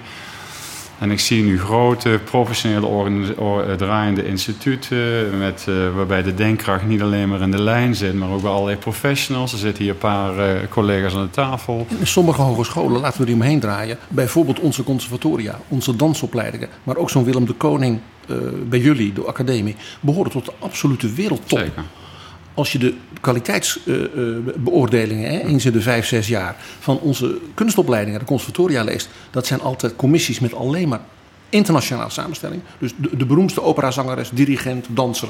En die rapporten, nou, dat is het rode oortje als dat leest. Die zeggen, er is in de wereld niks beter. Met andere woorden, hier gaan we meer over horen. Ja. Uh, Ron Bormans, u hebt Jan-Karel Gevers persoonlijk ook gekend, hè? Ja. Ja, dat, nou ja, dat is in die zin dat, eh, dat die, onze verhouding was niet gelijkwaardig. Want in die tijd dat ik dus uh, mijn ambtelijke loopbaan begon, uh, dus dat vanaf 86, ja, was gewoon een icoon. Daar werd, daar, als, als, als er over die man gesproken werd in de gangen, dan ik begon een beetje zachtjes te praten. Een soort orgeltoon hoor je ja, dan. dus echt, en, uh, en dus daar, daar keek je enorm tegenop. Ik, weet, uh, uh, ik, ik, ik kan me dat nou bijna niet meer voorstellen hoe dat voelde, maar dat was gewoon een soort icoon. En, en ik had, ik had het, uh, het voorrecht om uh, één keer per half jaar met hem naar Parijs te gaan.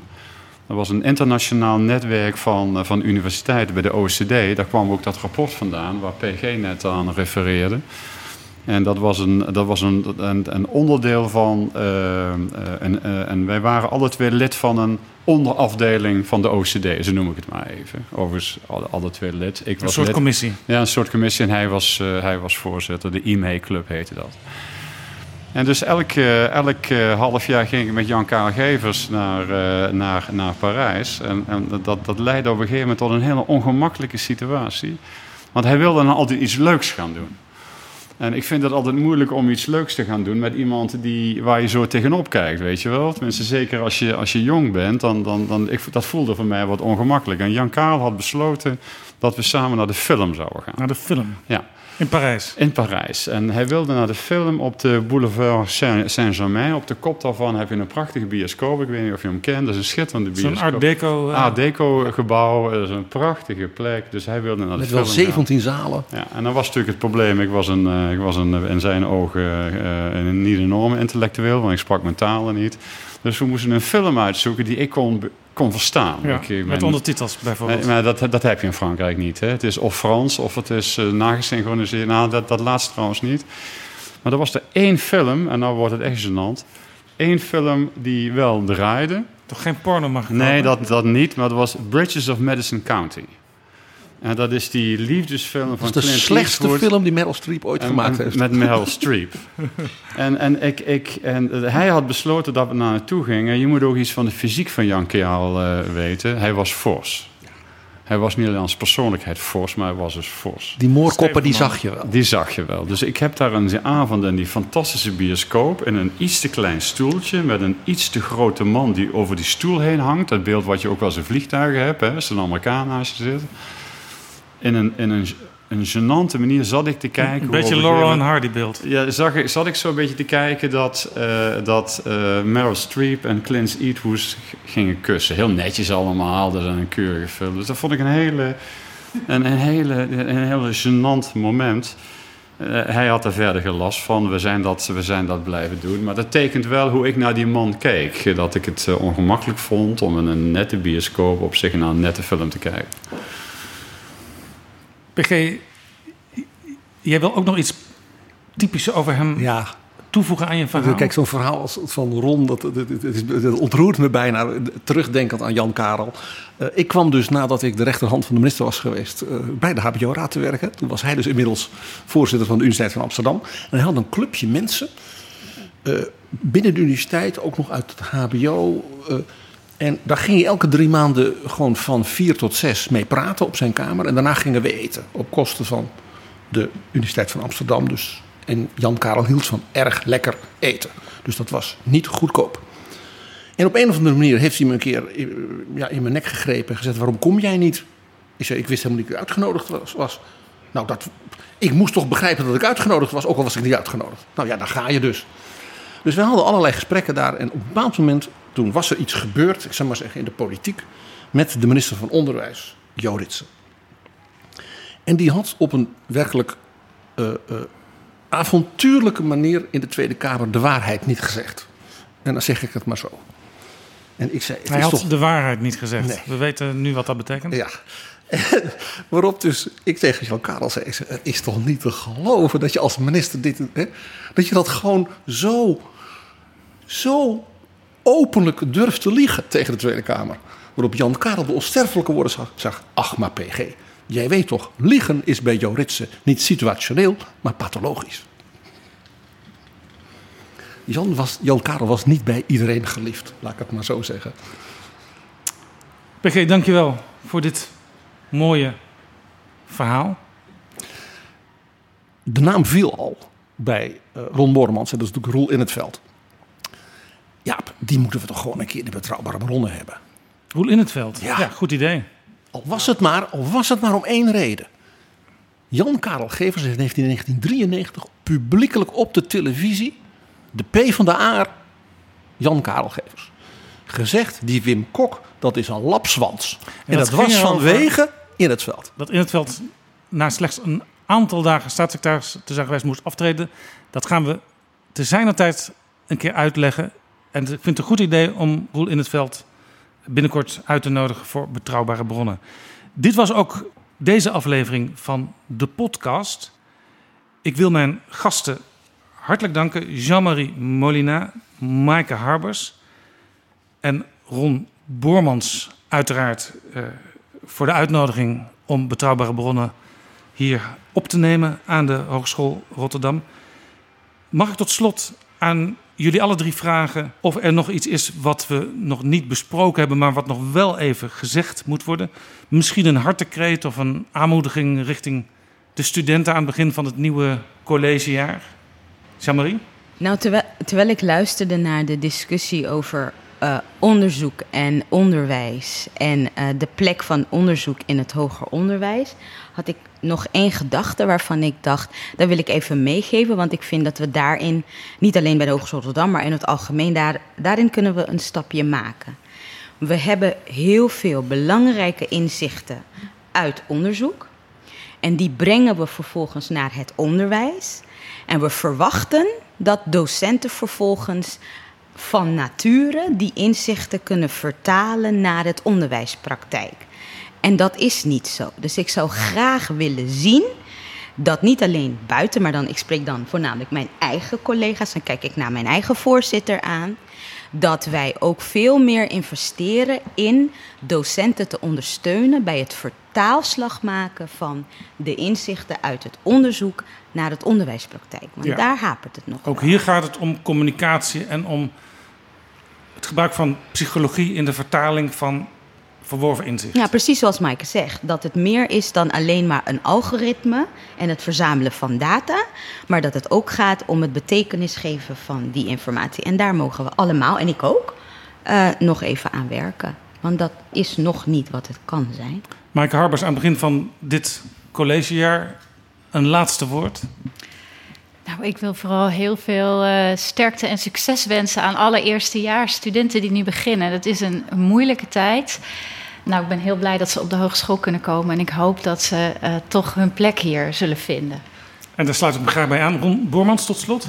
Ja, wat ik, wat ik zelf heel belangrijk vind, ik, ik merk ze nu en dan in het, het politiek métier, maar ook bij studenten, eh, eh, eh, studenten zelf, dat er een beeld is ontstaan dat het onderwijs wat wij nu ontwikkeld hebben, dat het minder is dan het onderwijs als voorheen. En ik hoor ook soms beelden gecreëerd worden van in het voortgezet onderwijs van coronadiploma's en noem maar op. Ik vind dat echt vreselijk en ik reageer er altijd een beetje agressief op. Ja, Omdat ja er zijn dat- ook studenten die denken van... het is wel een groot probleem dat ik nu in deze tijd ga Ja, maar dat studeren. snap ik. Maar dat snap ik. Alleen we, we moeten dat niet doorvertalen naar het niveau en de kwaliteit van dat onderwijs. Wel naar de vormen, dat het ongemakkelijk is en dat het onplezierig is, dat je studievertraging oploopt. Maar als we toestaan dat dat ook zich mengt met opvatting over de kwaliteit en, en het niveau, dan, dan, dan geven een generatie van jonge mensen iets mee waar ze zich de rest van hun leven op moeten verantwoorden. Het woord coronadiploma is taboe. is fout. Dat, moet, dat mag niet eens uitgesproken worden, want daarmee belast je jonge mensen in dat sollicitatiegesprek van, oh, studeerde jij in die tijd? Nou, die mensen studeren in die tijd. Wij als hogescholen hebben extra voorziening getroffen dat ondanks dat we anders moeten lesgeven, het niveau gegarandeerd wordt. Dus laat niemand het wagen om deze generatie studenten op te dringen dat het een diploma is wat minder waarde heeft dan een diploma wat we de afgelopen jaren uitgegeven hebben. Ron Bormans, de voorzitter van het college van bestuur van de Hogeschool Rotterdam, geeft bij deze de garantie: de kwaliteit van de opleiding is even hoog als vijf jaar geleden. En zeker zo hoog ook als die over vijf jaar zal Het zijn. antwoord is volmondig ja. De rector van Maastricht, Rianne Letchert, zei in Betrouwbare Bronnen toen wij dat virtuele VZNU-café hadden. Die zei, die studenten moeten zeggen, coronadiploma, yes. Ik was toen onderdeel van dat gigantische innovatieproces met mijn docenten, mijn onderzoekers bij hun, mijn hoogleraren, hè, mijn Jean-Marie Molina's. En wij hebben daar toen dat hoger onderwijs niet alleen overeind gehouden, maar nieuw leven ingeblazen, gedurfde dingen gedaan. Dus een coronadiploma, dat is een plusje. Toen dacht ik, Rianne, je hebt helemaal gelijk. En het blijkt dus dat het zowel in de universitaire wereld als in ieder geval bij de Hogeschool Rotterdam, maar ik neem aan dat, eh dat. Ron voor iedereen spreekt, dat, dat die gedachte overal leeft. Heel veel succes in het nieuwe jaar en eh, graag tot een volgende keer. Dankjewel.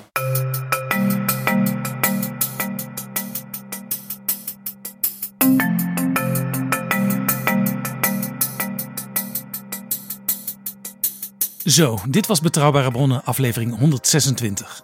Deze aflevering is mede mogelijk gemaakt door de Hogeschool Rotterdam. En ook door We Nederland en door donaties van luisteraars via de website vriendvandeshow.nl/slash bb. In de volgende editie gaat PG en ik praten over Ruud Lubbers. Dat doen we met Theo Brinkel, die aan het einde van Lubbers premierschap rond 1994 vele gesprekken voerde met hem en aan de hand daarvan een boek schreef. Maar die politieke memoires mochten niet verschijnen. Ze gingen een kwart eeuw de kluis in. Nu, 2,5 jaar na het overlijden van Ruud Lubbers, is het boek alsnog verschenen. Daarover dus in Betrouwbare Bronnen 127. Overweeg je Betrouwbare Bronnen te sponsoren of in deze podcast te adverteren? Stuur dan een mailtje aan Flip Kilian Adams. Dat is flipapenstaartdagennacht.nl. Tot de volgende keer. Betrouwbare bronnen wordt gemaakt door Jaap Jansen in samenwerking met dag en nacht.nl.